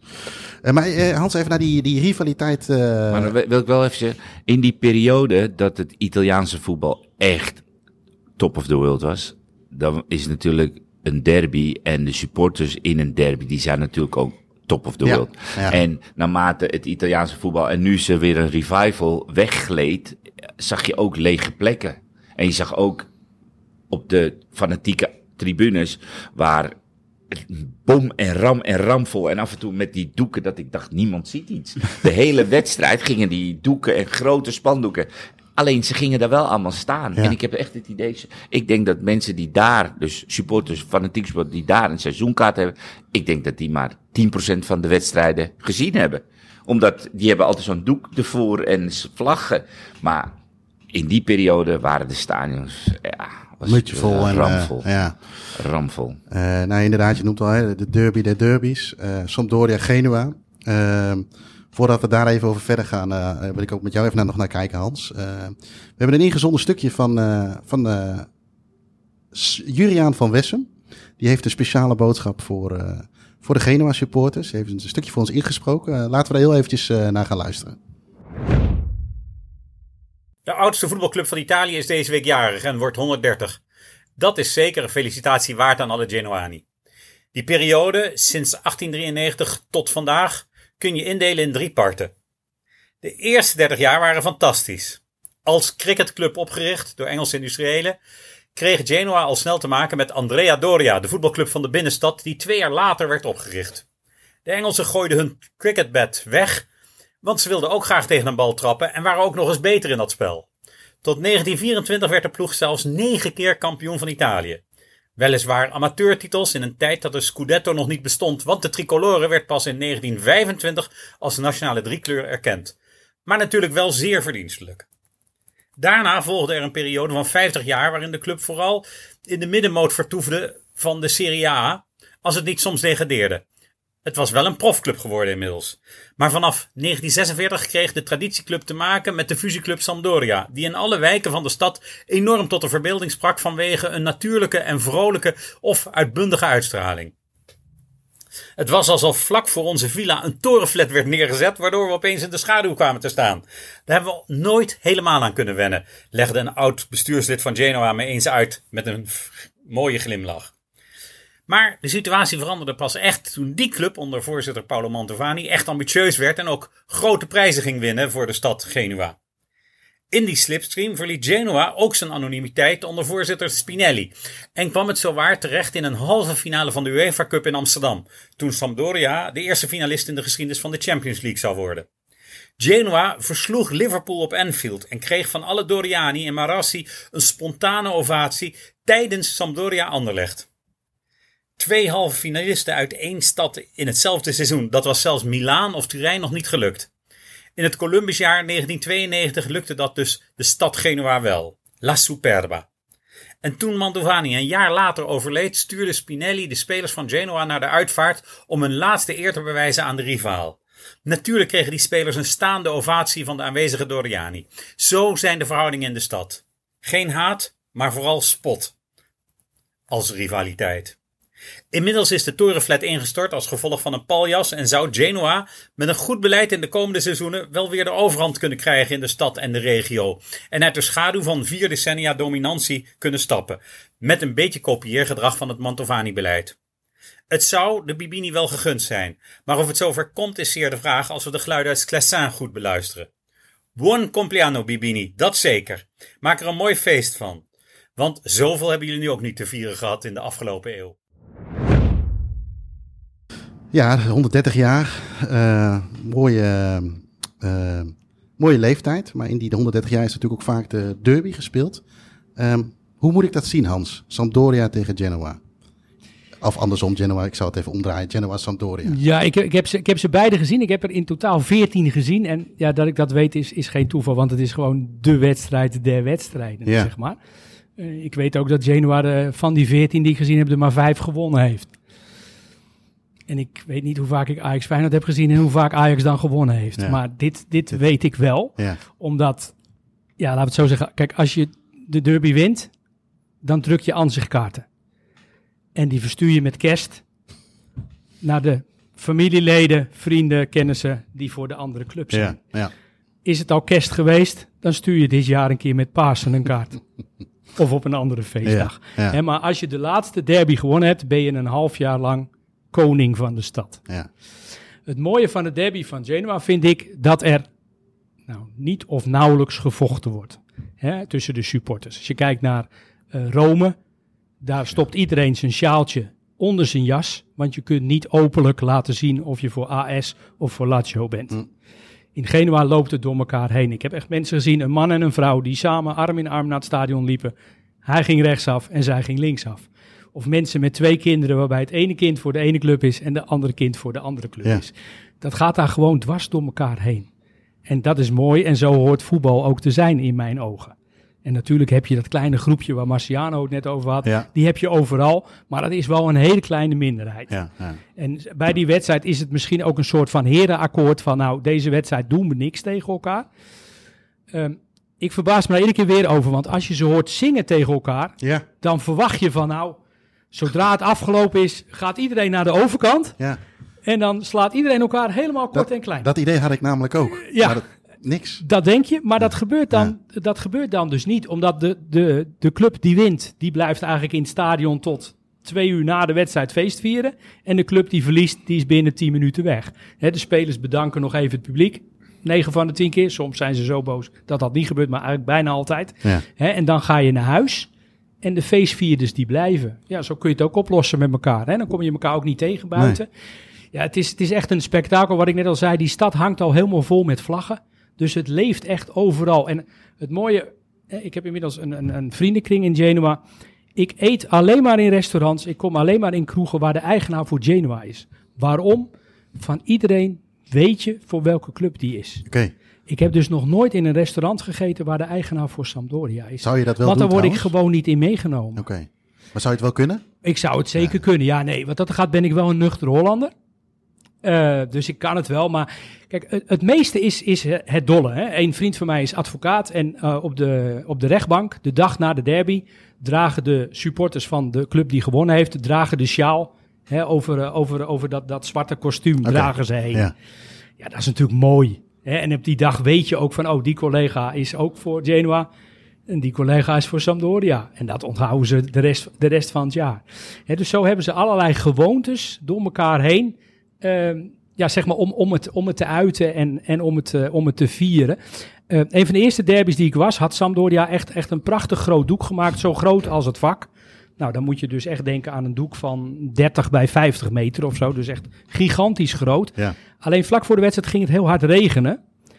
Eh, met als gevolg dat de mensen die helemaal onderin stonden, die werden nat. Dus die trokken wat harder aan dat doek en die trokken dat doekstuk. En wij als Nederlanders zaten daar en dachten, oh wat zonde. Want ja, je kon wel zien, hier had echt maanden werk in gezeten om dat doek te maken. Ja. Er zaten twee hele oude vrouwtjes achter ons, van in de tachtig. Nou, die kwamen niet meer bij van het lachen dat dat doekstuk ging. Ja. Terwijl een gemiddelde Nederlandse oma zou zeggen: Oh, wat zielig voor die jongens. Ja. Hebben ze zoveel werk en dan gaat het nu regenen en dan trekken ze dat doekstuk. Wat zonde. Nou, die oude vrouwtjes vonden het prachtig. Maar niet op een manier van haat, maar puur als een soort van, van, van humor. En, en zo, moet je het, zo moet je het ook zien. Zo gaan Julian en ik ook met elkaar om. Hè, Wederzijds respect. Julian en ik hebben ook wederzijds respect, maar af en toe zitten er ook wel kleine plaagstootjes, Nou, eh, ik volg kleine het, eh, de ploegstaartjes in. met een bakje popcorn hoor. Ik, eh, Ja, hè, dus, dus we gaan tegen elkaar in, maar, maar, maar altijd op een, op, met, met, met humor als ondertoon. En, Ja. en soms, soms komt hij aan, hè, wat hij tegen mij zegt en ongetwijfeld ook wat, wat ik tegen, tegen hem zeg. ja. Maar het is altijd met respect en, en met humor. En ik heb ook geen hekel aan Sampdoria. En, en zoals Ajax Feyenoord nodig heeft, zo heeft Genoa Sampdoria nodig en heeft Sampdoria Genoa nodig. Ja. Het stadion is, is prachtig, maar als je erin bent zie je ook wel dat het verouderd is. Het moet echt Ja. nodig opgeknapt worden. Eh, beide clubs hadden een eigenaar die geen geld meer had. Nou, bij Genoa is inmiddels eh 777 Partners daarin gestapt. Amerikaanse investeerders die flink willen investeren, ook in het stadion. Ja. Eh, nou ja, Sampdoria is afgelopen zomer van eigenaar gewisseld. Ja. Maar de eerste tekenen zijn dat die man niet zo rijk is. Eh, want hij, heeft, eh, hij is nu alleen maar schulden aan het afbetalen en heeft alleen maar spelers gehuurd. Sampdoria heeft niemand gekocht deze zomer. Eh, dus die zullen nu geen geld hebben om ook aan het stadion te werken. En dat is wel jammer, want het stadion moet echt, moet echt opgeknapt worden. Ja. Het is nog steeds prachtig. Het mooie is, het ligt midden in de stad. Ja, het heeft zoveel overeenkomsten met de meer dat, dat nu krijg ik kippenvel. Ehm het ligt aan de snelweg. Het is de afslag Oost. Ja. Ja. Nou, dat had eh, de Watergraafs, eh, Watergraafsmeer ook. Eh, alle tribunes zijn even hoog. Het publiek zit, zit bovenop, het, bovenop het veld. Ja, het, het is echt, echt een, een- meerwaarde voor een club om, om daarin te spelen. Ja. Het, ik denk dat het Genoa echt per jaar 10 punten scheelt. Dat ze dat, dat, ze dat stadion hebben. Het ligt midden in, midden in een wijk. Hè, zoals de Meer dat ook in, in Betondorp deed. Met daaromheen allemaal cafeetjes en restaurantjes. Dus mensen gaan vaak al twee, drie uur voor de wedstrijd naar het stadion. Nou ja, je kent Italianen, die zijn van het goede leven. Dus die gaan allemaal eten van tevoren. Nou, in Nederland zou dat één grote puinhoop worden. Maar daar, iedereen gaat gewoon aan een tafel zitten in een restaurant. En dat gaat allemaal heel erg ordelijk. Ook al is het daarna een wedstrijd waar 30.000 man in het stadion zit. Ja, het is echt een belevenis. En af en toe, en, en ik heb natuurlijk Genoa ook in de Serie C zien spelen in die jaren. Dus ik weet ook echt wel, wel wat de bodem is, zeg maar. Ja, was eigenlijk het gebeuren eromheen leuker dan de wedstrijd zelf. ja. Ja, Hans, je vertelt over die, eh, die eigenaren, die nieuwe eigenaren. Zou je nou een situatie voor kunnen stellen dat ze allebei een ander stadion gaan bespelen? Sampdoria heeft dat heel lang bouwen. gewild. En de grap is maar, ja, als Julian dit hoort, dan wordt hij boos. Eh, kijk, als Genoa thuis speelt, dan heten ze de, eh, de bezoekers van Sampdoria welkom in het stadion van Genoa. Het stadion is van Genoa. Hè? Genua bestaat sinds, ach- sinds 1893, zoals we weten, morgen 130 jaar. Ja. Het stadion is van 1911. Sampdoria is van 1946. Dus Genoa speelde er al 35 jaar voordat Sampdoria überhaupt opgericht werd. Dat is ook de reden waarom Genoa de noordkant heeft van het stadion. Als het koud is, heb je noordenwind. Dus die krijg je in je snuffert als je op zuid staat. Dus de Genoa supporters staan op noord. Die staan beschut tegen regen, storm, guur weer. Hoe is dat de met uitvakken geregeld eigenlijk? Er zijn twee uitvakken. Ja. Dus als eh, Genoa thuis speelt, zitten de uitsupporters vlakbij de Zuidtribune. Als Sampdoria thuis speelt, zitten de uitsupporters vlakbij de Noordtribune. Ja. En dus er zijn twee uitvakken. Ehm, we hadden het net even over de derby. Eh Marciano, eh, ik, wat ik al eerder zei, ik ben even in, in dat seizoen gedoken, ook even in jouw carrière, of in, in jouw jaar. Je hebt twee keer gescoord. Ja. Eh, eentje gaan we het zo over hebben. Daar mag je uitgebreid even op terugblikken. Ja, ja. Maar die eerste, eh, speelde onder 23. Ja. Weet je nog tegen wie het was? Jouw eerste goal? Cremonese? Nee. Torino. Het was Torino. Maar ik was, eh, als ik zoek op Ik zou hem niet eens weten. Nou ja, het, het grappige is, als je op zoekt op Marciano Fink, Genoa, nou, 120 filmpjes van alle hoeken stand, nou is niet helemaal waar, maar in ieder geval over dat doelpunt. En toen wilde ik op zoek naar je eerste doelpunt. Ik denk, daar wil ik wat over kunnen vertellen. Van of je dat nog miste weet. ik die half. Nou, het grappige is, ik vond één video, dat ging over die hele speeldag 23, alle goals achter elkaar. Op een gegeven moment komt eh, eh, eh, Genoa Torino. Het was, eh, ja. was dat Genoa Torino trouwens? In ieder geval tegen Torino. En jij scoorde de, scoorde de eerste doelpunt van de wedstrijd. En wat zie je in dat filmpje gebeuren? Boom. Beeld speelt, springt op grijs. Er is, Oh. is gewoon geen materiaal te vinden. Tenminste niet op de openbare YouTube. Oh, van jouw eerste goal. Dus ik kan daar heel weinig over vertellen. Maar ik, Eh, al ik heb, het, kon ik, ik zien. heb maar- het idee dat ik die half miste. Maar goed. Ik, eh, nee, ik kan hem me niet voor de geest halen. Die, die andere goal die, die is... Die was niet zo mis. Nee, maar die is ook echt zoveel besproken. Maar ook op een gegeven moment eh, bij Studio Italia. ehm, als je mensen spreekt over mijn carrière vroeger, dan gaat het over die goal. Ja. Wat ik bij Ajax of bij PSV gedaan heb, weten ze allemaal niet die goal. Ja. Dus die is wel een eigen leven gaan leiden. En die andere goal die is daardoor waarschijnlijk ergens. ja, misschien dat hij daar allemaal Want op we grijs praten wel over, wat is het? 30 Eh, jaar geleden. Ja, ja, vier, Ja, speelde, onder, 30. ja, speelde onder 31. Ja. 10 april 1994. Sampdoria Genoa. Eh, uiteindelijk 1-1. Ja. Ehm, ja, voor- Nou. neem, neem ons... Ja, het is een beetje Ik, maar die periode ervoor had ik ook niet gespeeld. En eh, dat kwam ook dan door die buitenlandersregel. Ja. En eh, nou ja, eh Ruotolo Gennaro die deed gewoon goed. Dus er was niet echt noodzaak om te wisselen. En ja, het koppeltje van het schip Scuravi en Johnny die dan in één keer als tweede spits speelde. Dat werkte dus blijkbaar ook in één keer. Ja, dan, Toevallig. dan, ja, weet je, en dan, eh, dan is het voor een coach natuurlijk eh, best eh, lastig om dan nog twee buitenlanders van de vier aan te wijzen. Maar goed, lang verhaal. Ehm, ik kreeg, denk ik, op zaterdag te horen dat ik zondag ging spelen. Nou, dat was voor mij eigenlijk een verrassing, want ik had er niet eens rekening mee gehouden dat ik eh, zou spelen. En Want sorry dat je onderbreekt, maar was het ook zo dat er maar drie in de wedstrijdselectie mochten zitten? Of mocht je wel op de bank nee, je zitten? mocht wel op de bank Ah, ja, volgens mij, maar dan moest je wel gewisseld eh, erin eruit. Ja, ja.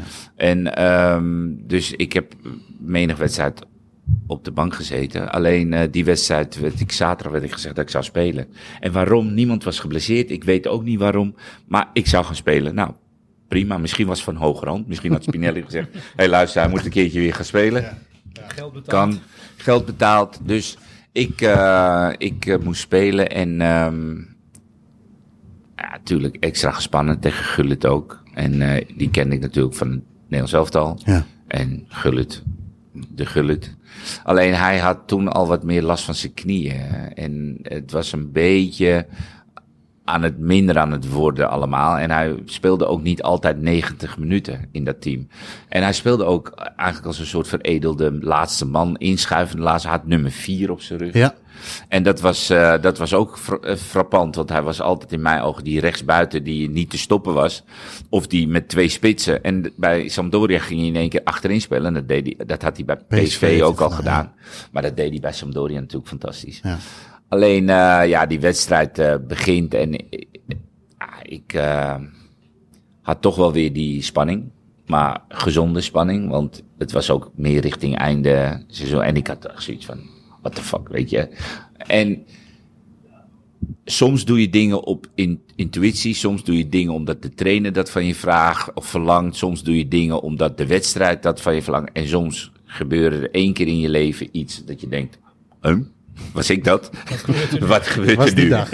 Ja, nou, en dat was dat moment. En ik krijg de bal en ik ga, uh, uh, nou ja, volgens mij Jugovic, Vjerkovot. En dat zijn dat waren echt. Nou, eerst Gullit, die was de eerste. Nee, nee, nee, Gullit Toch? was er niet bij. Want ik, volgens niet? mij de eerste was Evani. Die, die op het middenveld, die ging ik voorbij. Aan de rechterkant, hè? Aan de rechterkant. Vlak voor de dugout. Ja, ja. ging ik Evani voorbij.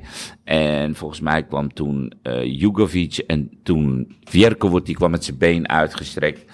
En toen ging ik op een speler af en ik weet zijn naam niet. Als je zijn naam ziet, een verdediger.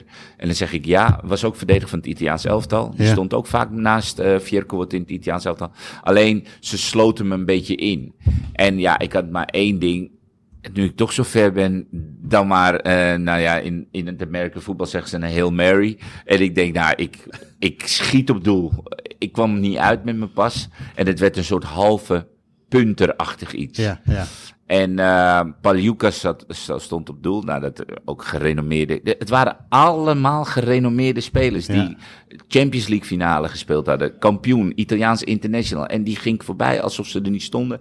En ik schoot dus met die punt en ik keek die bal na en ik zie Paljuka met zijn hand er naartoe gaan. En hij liet hem door zijn handen glippen. Of hij zat te veel of hij was te hard. Ja. En die bal die werd eigenlijk nog mooier doordat hij hem aanraakte. En hij landde zo in de kruising. Terwijl normaal was hij misschien half hoog het doel ingegaan. Dan was de actie leuk, het doelpunt lelijk. Maar nu ging hij eigenlijk nog mooi zo vertraagd. En als je op het veld staat, dan is zijn dingen vertraagd soms, hè. Zo voel je dat. Ja, zo Ja. voel je dat. En die bal die daalt zo. En ja, ik had natuurlijk een tijdje niet gespeeld. En ik had ook die spanning in mijn lichaam. En ik, uh, ik was boos eigenlijk een beetje op iedereen. Voor mijn gevoel. Dat zag je aan je Ja, juist. een maar ik was boos op iedereen. Ik was Ja. boos op de trainer, boos op de bank, boos op de supporters van de Sampdoria. Het was uitwedstrijd. Dus ik liep zo naar de overkant waar onze supporters... Uh, en ik voel dat ik gewoon lichtelijk kramp krijg. In, die, in het juichen. dat was echt kut. Ja, je kan moeilijk trainen, wisselen. Dus ik voelde dat ik een beetje kramp ging krijgen. Dus ik kom daar bij het vak en ik wijs zo naar hun. Want ja, zij hadden mij dan toch wel uh, uh, ja, gesteund in, in mijn optiek. Ja. Ja, weet ik ook niet waarom. Maar goed, je doet rare dingen. En twee minuten daarna scoort Jugovic mijn man door mijn fout. Doordat ik hem liet lopen en ik gewoon vermoeid was. Ik had gewoon echt verzuurde benen na die sprint. Alle emoties zat dus in dat ene moment alle frustratie, boosheid zat in dat moment. En dat kwam in één explosie eruit. En die explosie had alle lucht uit mijn spieren geslagen.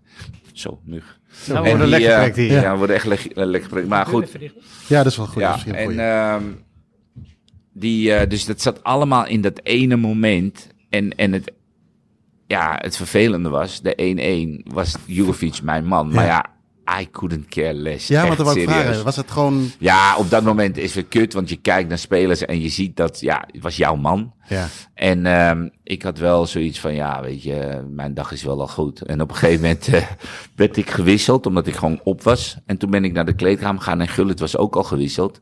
En toen ben ik naar Sampdoria kleedkamer gegaan. En toen heb ik met eh, Ruud, eh, die lag op de massagetafel in zijn eentje. Ja. En toen ben ik erbij gaan zitten. En toen hebben we heel lang nog gesproken. En de wedstrijd was nog gaande. En wij met Wat z'n tweeën in de kleedkamer gewoon over van alles en nog wat gesproken. Ja.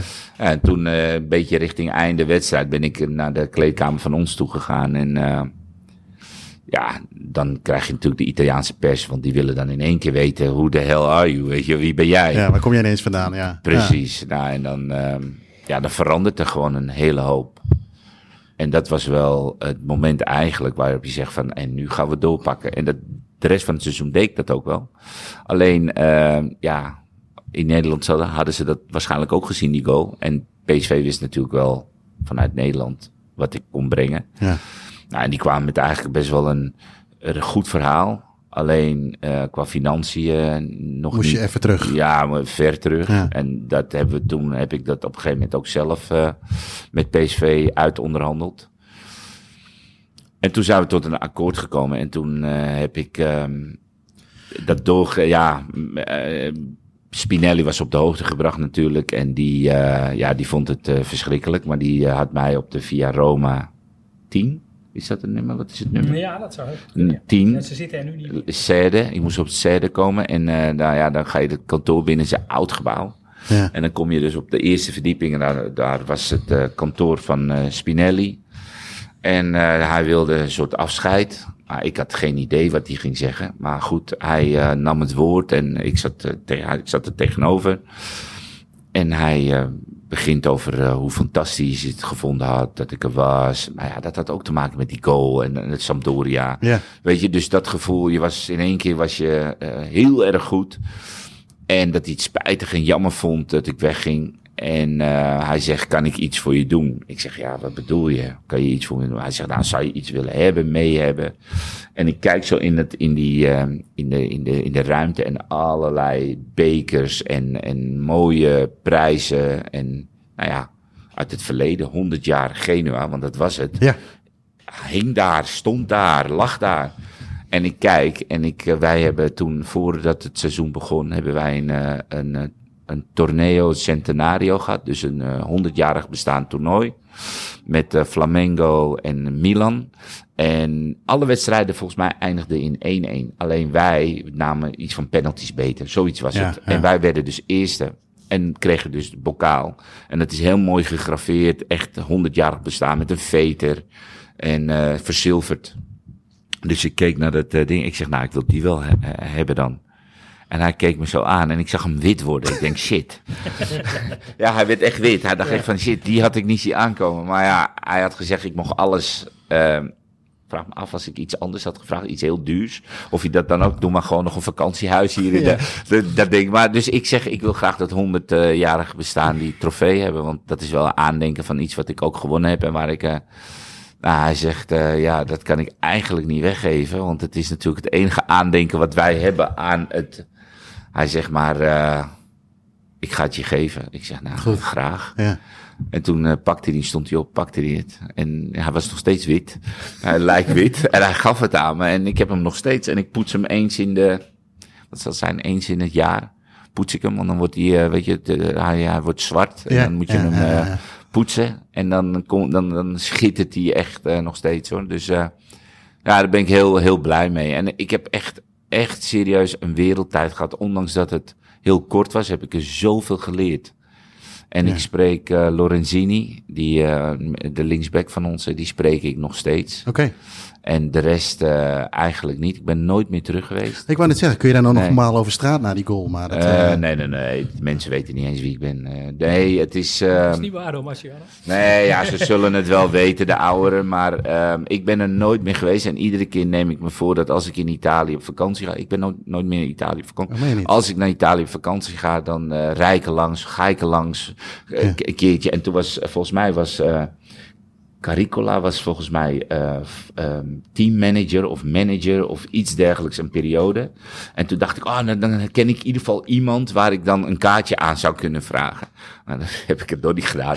Dus nu is het waarschijnlijk zo een andere club geworden waarvan ik ja, ik, weet je, dan denk ik, ga ik alle moeite, en zo ben ik dan weer, hè, ga ik dan echt alle moeite doen om dan daar, ja, als een soort... Zit er een naast je? Ja, dat begrijp ik. Maar als een soort Marciano. nobody ehm, te vragen, ja, hebben jullie een kaartje? Want ik speelde hier ooit in, weet je. Ja. Ze- We kennen, voor Genoa supporters is jouw goal tegen Sampdoria is wat voor de gemiddelde Nederlander de goal van Van Basten in München was in Ja. de EK-finale. Voor een Genoa supporter. Ja, voor de Genoa. Het is- is ook is goal maar- van het jaar geworden. Er is maar één ding niet goed aan die goal. En dat is dat hij op Zuid viel en niet voor de Gradinata Ja, ja, ja, Noord. ja, ja, Dan was hij perfect Dat was hij geweest. perfect. Hè, dus het is een 9,9 of zo Ja. in plaats van een 10.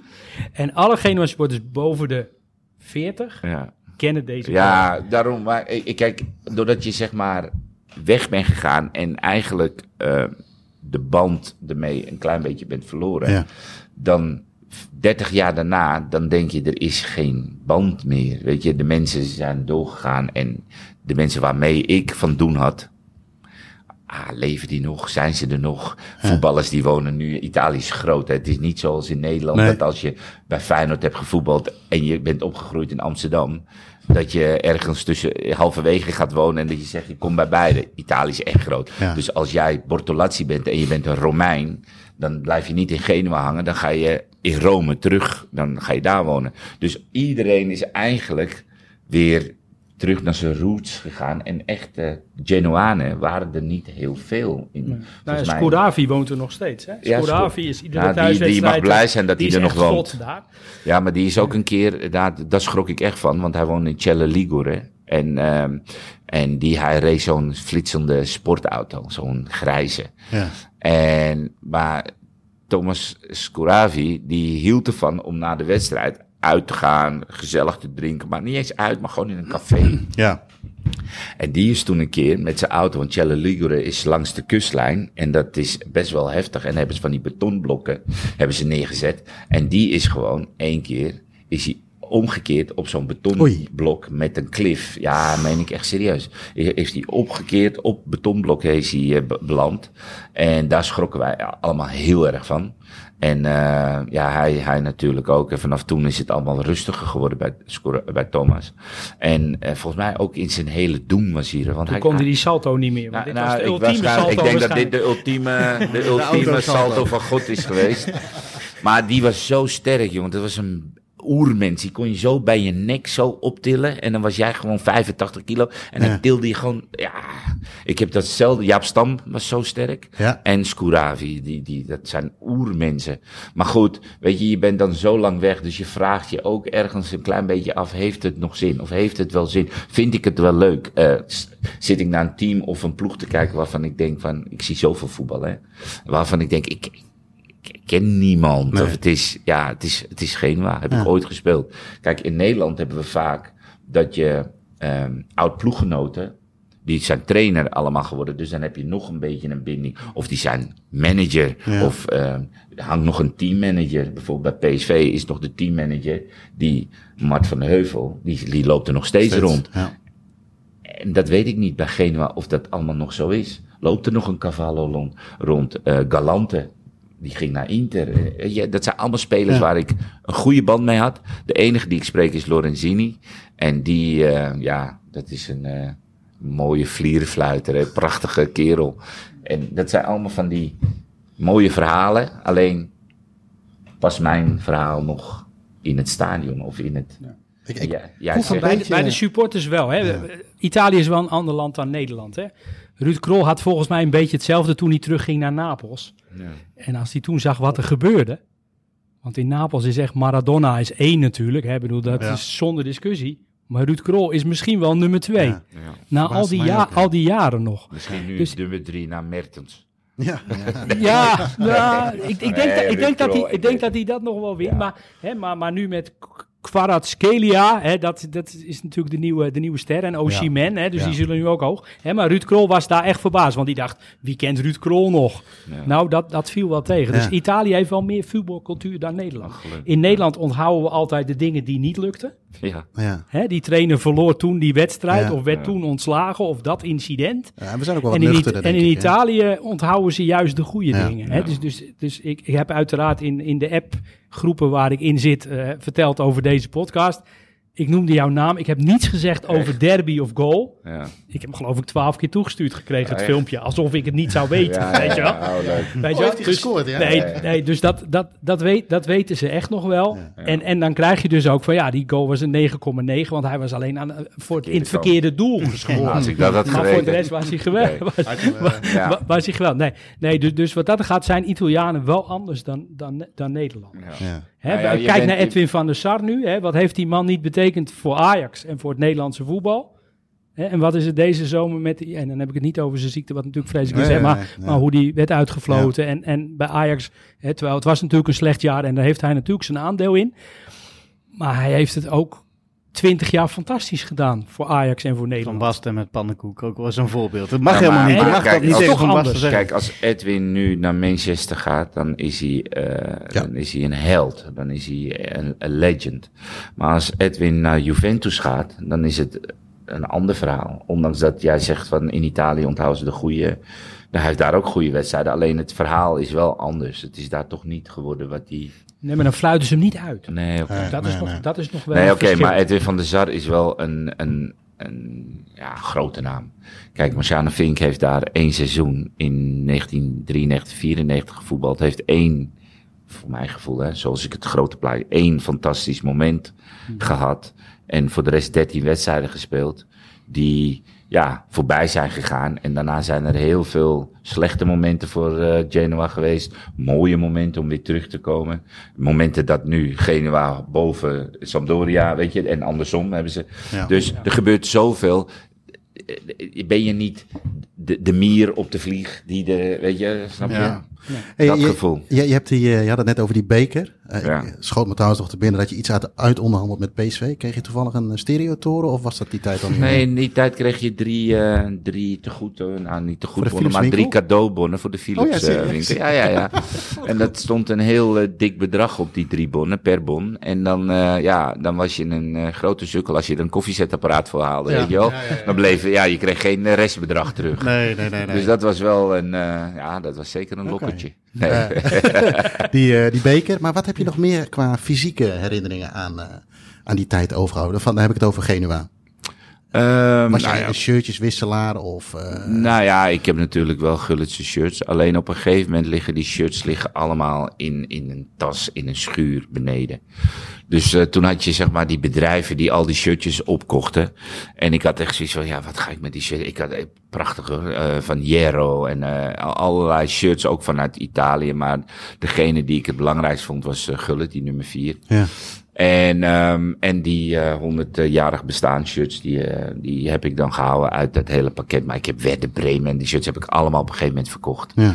Ja, je doet er niks mee. Ik ga ook niet uh, gezellig op familiefeestjes met een shirt aan. Het is ook niet dat ik ze ophang. Nee. Ja, weet je, dus op een gegeven moment ligt daar zoveel nostalgie. Maar waar een ander misschien veel blijer mee is dan dat ik. Ja. Nou, en weggeven, dat doe je niet. Dus op een gegeven moment zijn die partijen die, uh, die benaderen volgens mij heel veel voetballers.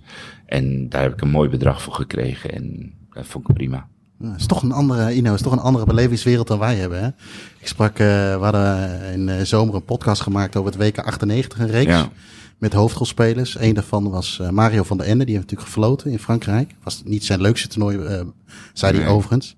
Maar toen hadden we het ook over, uh, hè, dat is eigenlijk een beetje de vraag die ik altijd wel stel. Wat heb je aan je carrière overgehouden? En die had gewoon een wedstrijd gedragen shirt van, uh, van Maradona. Maar die heeft ook op een gegeven moment uh, gezegd, ja weet je, ik, uh, ik, ik heb Ja. er niks mee. Doet, uh, als liefhebber doet me dat een beetje Ja, pijn. dat mij. Kijk, Mario, Mario Been heeft een shirt van Maradona. En hij heeft een shirt van, het, het, laatst gedragen shirt van Johan Cruijff. Oh ja, heb ik eens gelezen, van, ja. Van Feyenoord. En die, ehm, die had hij altijd en die ging hij nooit wegdoen. En nu is het zo dat de Cruyff Foundation en de familie Cruyff, die zou heel graag dat shirt. En nu is dus degene die het merk Cruyff weer groot gemaakt heeft, die heb ik in contact gebracht met Mario. En nou is er een, zeg maar, een soort leuke deal gekomen waarin Mario afstand heeft gedaan. Oh ja. van, ah, dat was echt eh, diep Ja, van dat shirt. En die heeft hij aan de Kruijff-familie eh, eh, gegeven. Dus wat dat betreft zijn er eh, mooie momenten dat je een shirt van eh, Maradona wel koestert en die bij je houdt. En Ja. de andere geeft hem weg. Maar deze, zoals hè, om Ja. toch over shirts te hebben, deze begreep ik wel. ja, ja. En dit was wel heel mooi. Want die, die wilde, dat laatste shirt wilden ze gewoon hebben. En, en Johan had hem aan Mario gegeven. En die heeft hem nu terug aan de familie gegeven. Dus dat, zijn, dat, is ook weer mooi. Ja, dat is ja. beter dan dat je het verkoopt aan een, eh, aan een andere ja, vind ik partij. wel. Vind ik wel. Maar er zaten, er zaten ook een heleboel uh, uh, Keizersslauteren, al dat soort clubs. Zat Ja. er ook allemaal tussen. ja, ja, ja. Eh, voordat Maar we, die, die, de mooiste heb ik uh, gehouden. dat is die van Gullit. Ja, Gullit en die 100 jaar Oh ja. bestaan. Mocht je ooit een Marciano die van Gullit kwijt willen. ik heb niet zo heel veel op de bankrekening Nee, staan, maar ik wil nee, best een keer een bod doen. ik snap hem. Maar die, die, die wil ik graag houden. Ja, snap ik. Hey, voordat we, ik wil zo nog even iets weten over, eh, over Genua van, van jullie, van de, de, de stad. Eh, voordat we daar naartoe gaan. eh, wie, ons, wie voor ons ook een stukje heeft ingestuurd is eh Krauntopper des Vaderlands, Hans Douw. Ehm, die heeft ook even wat verteld over Genua en, en, en de voetbal in Genua. Laten we er heel eventjes naar gaan luisteren. Tot augustus 2018 was Genua voor Hollanders vooral de stad van Sampdoria en Genua FC. De clubs van respectievelijk Ruud Gullit en Jan Peters. Wie? Ja, Jantje Peters, de middenvelder van NEC en AZ, die ooit twee keer scoorde op Wembley voor Oranje. Vanaf augustus 2018 kennen wij de stad helaas op een andere manier. Op 14 augustus 2018 om 11 uur 36 stortte de Morandi-brug in Genua in. Er vielen 43 doden. Een afschuwelijke ramp. Vanaf dat moment was Genua de stad van de ingestorte brug. Afijn, terug naar de tijd van voor het ongeluk. Het stadio Luigi Ferraris is een van die Italiaanse stadions waar twee clubs in spelen. AS en Lazio delen Olimpico. Inter en AC delen San Siro. Terwijl Hellas en Chievo het stadion Marc Antonia Bentegoni in Verona delen. En de clubs in Genua dus, die om de week in het iconische Ferraris optreden. Genua roept altijd een typisch groundhoppers dilemma op. Als je bij een wedstrijd van Sampdoria bent geweest, ben je dan ook automatisch in het stadion van Genua geweest? Mijn antwoord is simpel. Het stadion telt maar voor één op de lijst, maar je bent na een bezoek wel degelijk in het stadion van beide clubs geweest.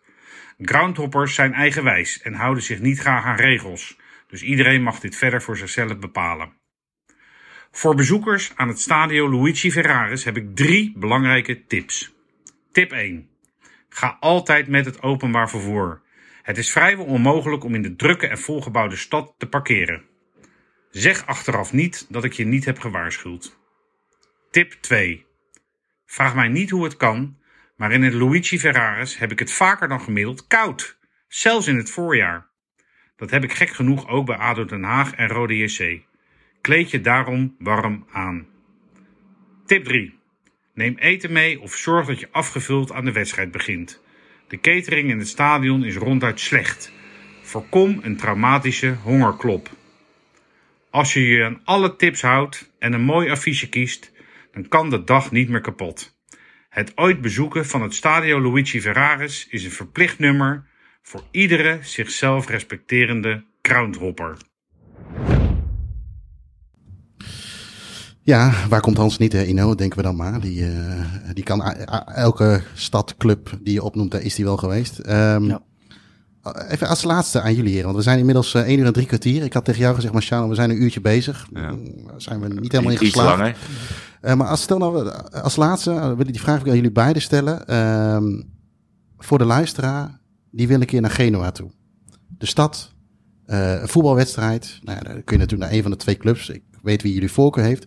Maar wat zijn vanuit jullie tips? Stel dat ik een dag naar Genua zou gaan, of misschien een weekend. Wat je als voetballiefhebber sowieso moet doen met, eh, in de stad Genua of omsteken. Dat mag ook. Nou ja, in Italië zit je natuurlijk sowieso meestal al goed qua weer, qua eten, qua cultuur en dat soort dingen. Ja. Hè, die, die heb je standaard in Italië, Ja. eh, naar welke stad je ook gaat. Ehm, ja, Genua heeft het grootste historische centrum van alle steden in Europa. En nou, dat, hè, als je ook Rome hebt en Athene en zo, is dat toch best wel, best wel Knap, bijzonder. ja. Eh, Genua heeft een labyrint van steegjes. En ja, als je, ik denk als je echt naar Genua wil, dat het eh, handig is om van tevoren iets van Ilja Pfeiffer, hè, de bekende schrijver, te lezen. Hè. Die, is, die is gaan fietsen van Nederland naar Rome, maar is in Genua gestopt en nooit meer verder gegaan. Oh. En voor hem is Genua is het paradijs op aarde. Niet alleen omdat het zo mooi is, maar ook omdat het zo rauw is. Want het is natuurlijk ook een havenstad. Ja. En daar komen ook vluchtelingen uit Afrika in Genua aan. Ja. Hè, dus Genua is een stad, wat dat gaat echt een, een, een wereldstad. Eh, aan de andere kant is het ook een provinciestad. Zoals in Amsterdam dat 24-7 alle winkels open zijn in het centrum. Nee hoor, in Genua hebben ze één zondag in de maand koopzondag. Maar alle andere zondagen zijn de winkels gewoon dicht. Dus wat dat betreft is het gewoon nog een provinciestad. Ja. Eh, maar het heeft ontzettend veel historische gebouwen. Wij hebben een jaarlijks voetbaltoernooi. Dat spelen we midden in de stad op eh, Piazza del Erbe. Dat is ongeveer 100 meter van, van het grote plein, zeg maar van de, de dam van, van, van Genua. Ja, daar voetballen we naast een kerk en die kerk komt uit 483 of zo. Ja, dat, dat denk je 483 en dan ga je eens nadenken je en dan denk je, maar dat is niet normaal Ja. dat daar gewoon zo'n kerk staat. Ja. En dat is nog niet eens het oudste gebouw van de stad. Dus er is wat dat er gaat heel veel te zien, heel veel te doen. Het heeft een fantastisch zeeaquarium. Grootste zeeaquarium van, eh, van Europa. Met echte haaien en eh, noem het allemaal maar op. Eh, omdat de stad op een, eh, ja, tegen de berg aan ligt, heeft het prachtige punten waarop je over de stad kunt kijken. Prachtige uitzichtpunten. Het is natuurlijk ook de, de geboortestad van Columbus. Dus Ja. het huis van Columbus eh, heb je er. Ja.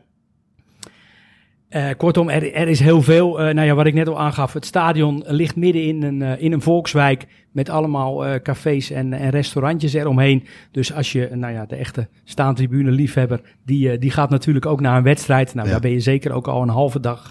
ben, je daar, ben je daar zoet mee. Ja, ja. En ja, dat is echt een belevenis. Genua heeft nu 28.000 seizoenkaarten verkocht. En in het stadion kunnen er maar 33.000. En dan moeten er ook nog 2000 Uitsupporters, uitfans in. ja.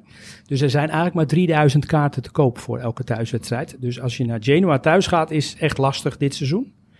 Ehm, ja, bij Sampdoria, eh, daar zijn wel voldoende plaatsen. Dus eigenlijk zou ik moeten zeggen, ga dan maar naar Sampdoria. Eh, Juriaan belt. maar, maar, maar ja, het liefst ga je natuurlijk naar de Serie A. En het mooiste is natuurlijk om een, Ja. om een ja, de derby kan dit Ja. jaar niet, maar om dan een Genoa Milan of een Genoa Juventus of zo Ja. mee te pakken. Maar ja, qua tickets is dat, eh, is dat lastig. Eh, Marciano, heb jij... Ja, hij heeft eh, alles al de hele, hele stad al eh doorge... Nee, ik, ik, wat ik altijd prachtig vond was de, de hele route van Ventimiglia tot en met Portofino. En ik, eh, Portofino vond ik echt fantastisch. Is niet Genua, maar het ligt er echt allemaal omheen, er langs. En als je er dan toch bent, ja, ik, in hoeverre het veranderd is, weet ik niet. Maar ik vond Pio Dodici vond ik echt uniek. Het trainingscomplex, het trainingsgebeuren. Ehm ja, en ehm gewoon een leuke stad. Wij woonden in eh Pellidoue, in het, eh, in het tweede huis van de president. Dus dat was een soort, eh, boven het trainingscomplex had je een gebied waarin eh, een soort compound-achtig iets afgeschermd met een hek. Ja. Nou, en daar is toen ook Harry Vermegen nog ge- geweest, weet je, met, eh nou ja, die maakte toen dat eh Italiaanse programma, dat hier bij al die spelers en zo langs ging. Maar goed, wij woonden boven en ik keek uit op de haven en het vliegveld. Dus je zag al die vliegtuigen aankomen. De haven is mega groot. Ja. En eh ja, wat Hans ook terecht zei, ik vind het wel frappant dat meestal is een havenstad is een rauwe stad. En dat die supporters eigenlijk zo goed met elkaar omgaan, eh, dat is best wel eh indrukwekkend. En best wel um, dat het allemaal zo door elkaar leeft. Want in sommige steden en bij sommige voetballers hoor je wel eens van, uh, weet je wel, ga niet naar de groene, want jij bent een blauwe. Ja. Weet je, uh, um, kom niet te ver in die buurt, want je weet niet of ze je daar, uh, um, nou ja, levend vandaan laten komen, bij wijze van spreken.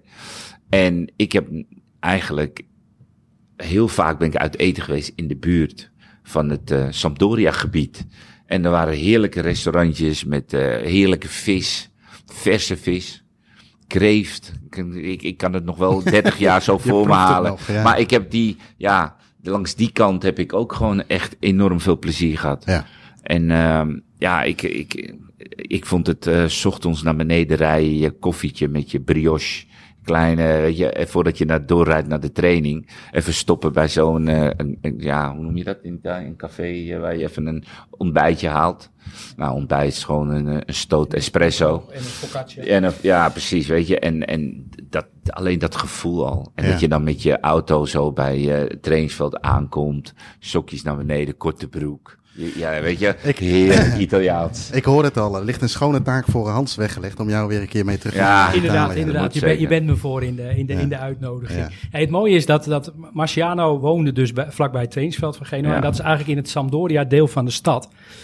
En het grappige is, andersom is het ook zo. Het Sampdoria trainingscomplex ligt in het Genoa deel van de stad. Dus het is allebei precies contra. Ik vind het mooi dat eh Marciano noemt het nog steeds eh Pio 12, hè, Ja, Pio Dodici. Maar het heet nu Gianluca Signorini, naar Oh, zijn aanvoerder. ja. Omdat hij op jonge leeftijd aan ALS is overleden, heet het trainingscomplex nu naar hem. En Genoa heeft daar nu ook het hoofdkantoor. Dus dat oude kasteeltje wat jij zei is helemaal verbouwd, is helemaal nieuw. Maar het Alleen- staat er nog wel. Alleen die, die beelden langs het veld, die zijn nog steeds eh, zonder hoofden en zonder armen Eh. en dat soort dingen. Maar het, het clubgebouw zelf is helemaal, eh, is helemaal opgeknapt. Oh, En leuk. dat ziet er echt fantastisch, eh, fantastisch is- uit. Dus alleen daarom zou je al terug Ja, moeten gaan. Alleen daarom. Zeker. Want dat herken je. Maar het grappige is, die, die beelden, dat lijkt net alsof ze, weet je, met ballen allemaal kapotgeschoten zijn. Maar dat is dus niet zo. Kunst. Hoofd eraf, arm eraf. Je ziet het ook gewoon liggen. dus dat is wel, eh, ja, een wereldtijd. Echt superleuk. Nou, ik, eh, volgens mij als we nog een uur door zouden kunnen gaan, kunnen we wel, maar dat zouden we het eh, best kunnen doen. Eh, maar mag ik, eh Marciano, Hans, eh, mag ik jullie beiden bedanken voor jullie eh, mooie verhalen over die tijd. Over de club Genua, over de stad Genua. En eh, ja, wat ik zei, eh, volgens mij ligt er een mooie taak voor Hans om eh, in, op, op een redelijke termijn een keer eh, weer eh, Genua te laten zien aan eh, jou, Marciano. Eh, Komt goed. Heren, dankjewel nogmaals. Graag gedaan. Dankjewel. Bedankt voor het luisteren naar deze aflevering. Vergeet niet op deze podcast te abonneren om op de hoogte te blijven voor nieuwe afleveringen. Vragen, tips of opmerkingen over de podcast kunnen gestuurd worden naar podcast.staantribune.nl. En voor vragen over boeken en magazines verwijzen we jullie graag door naar www.staantribune.nl.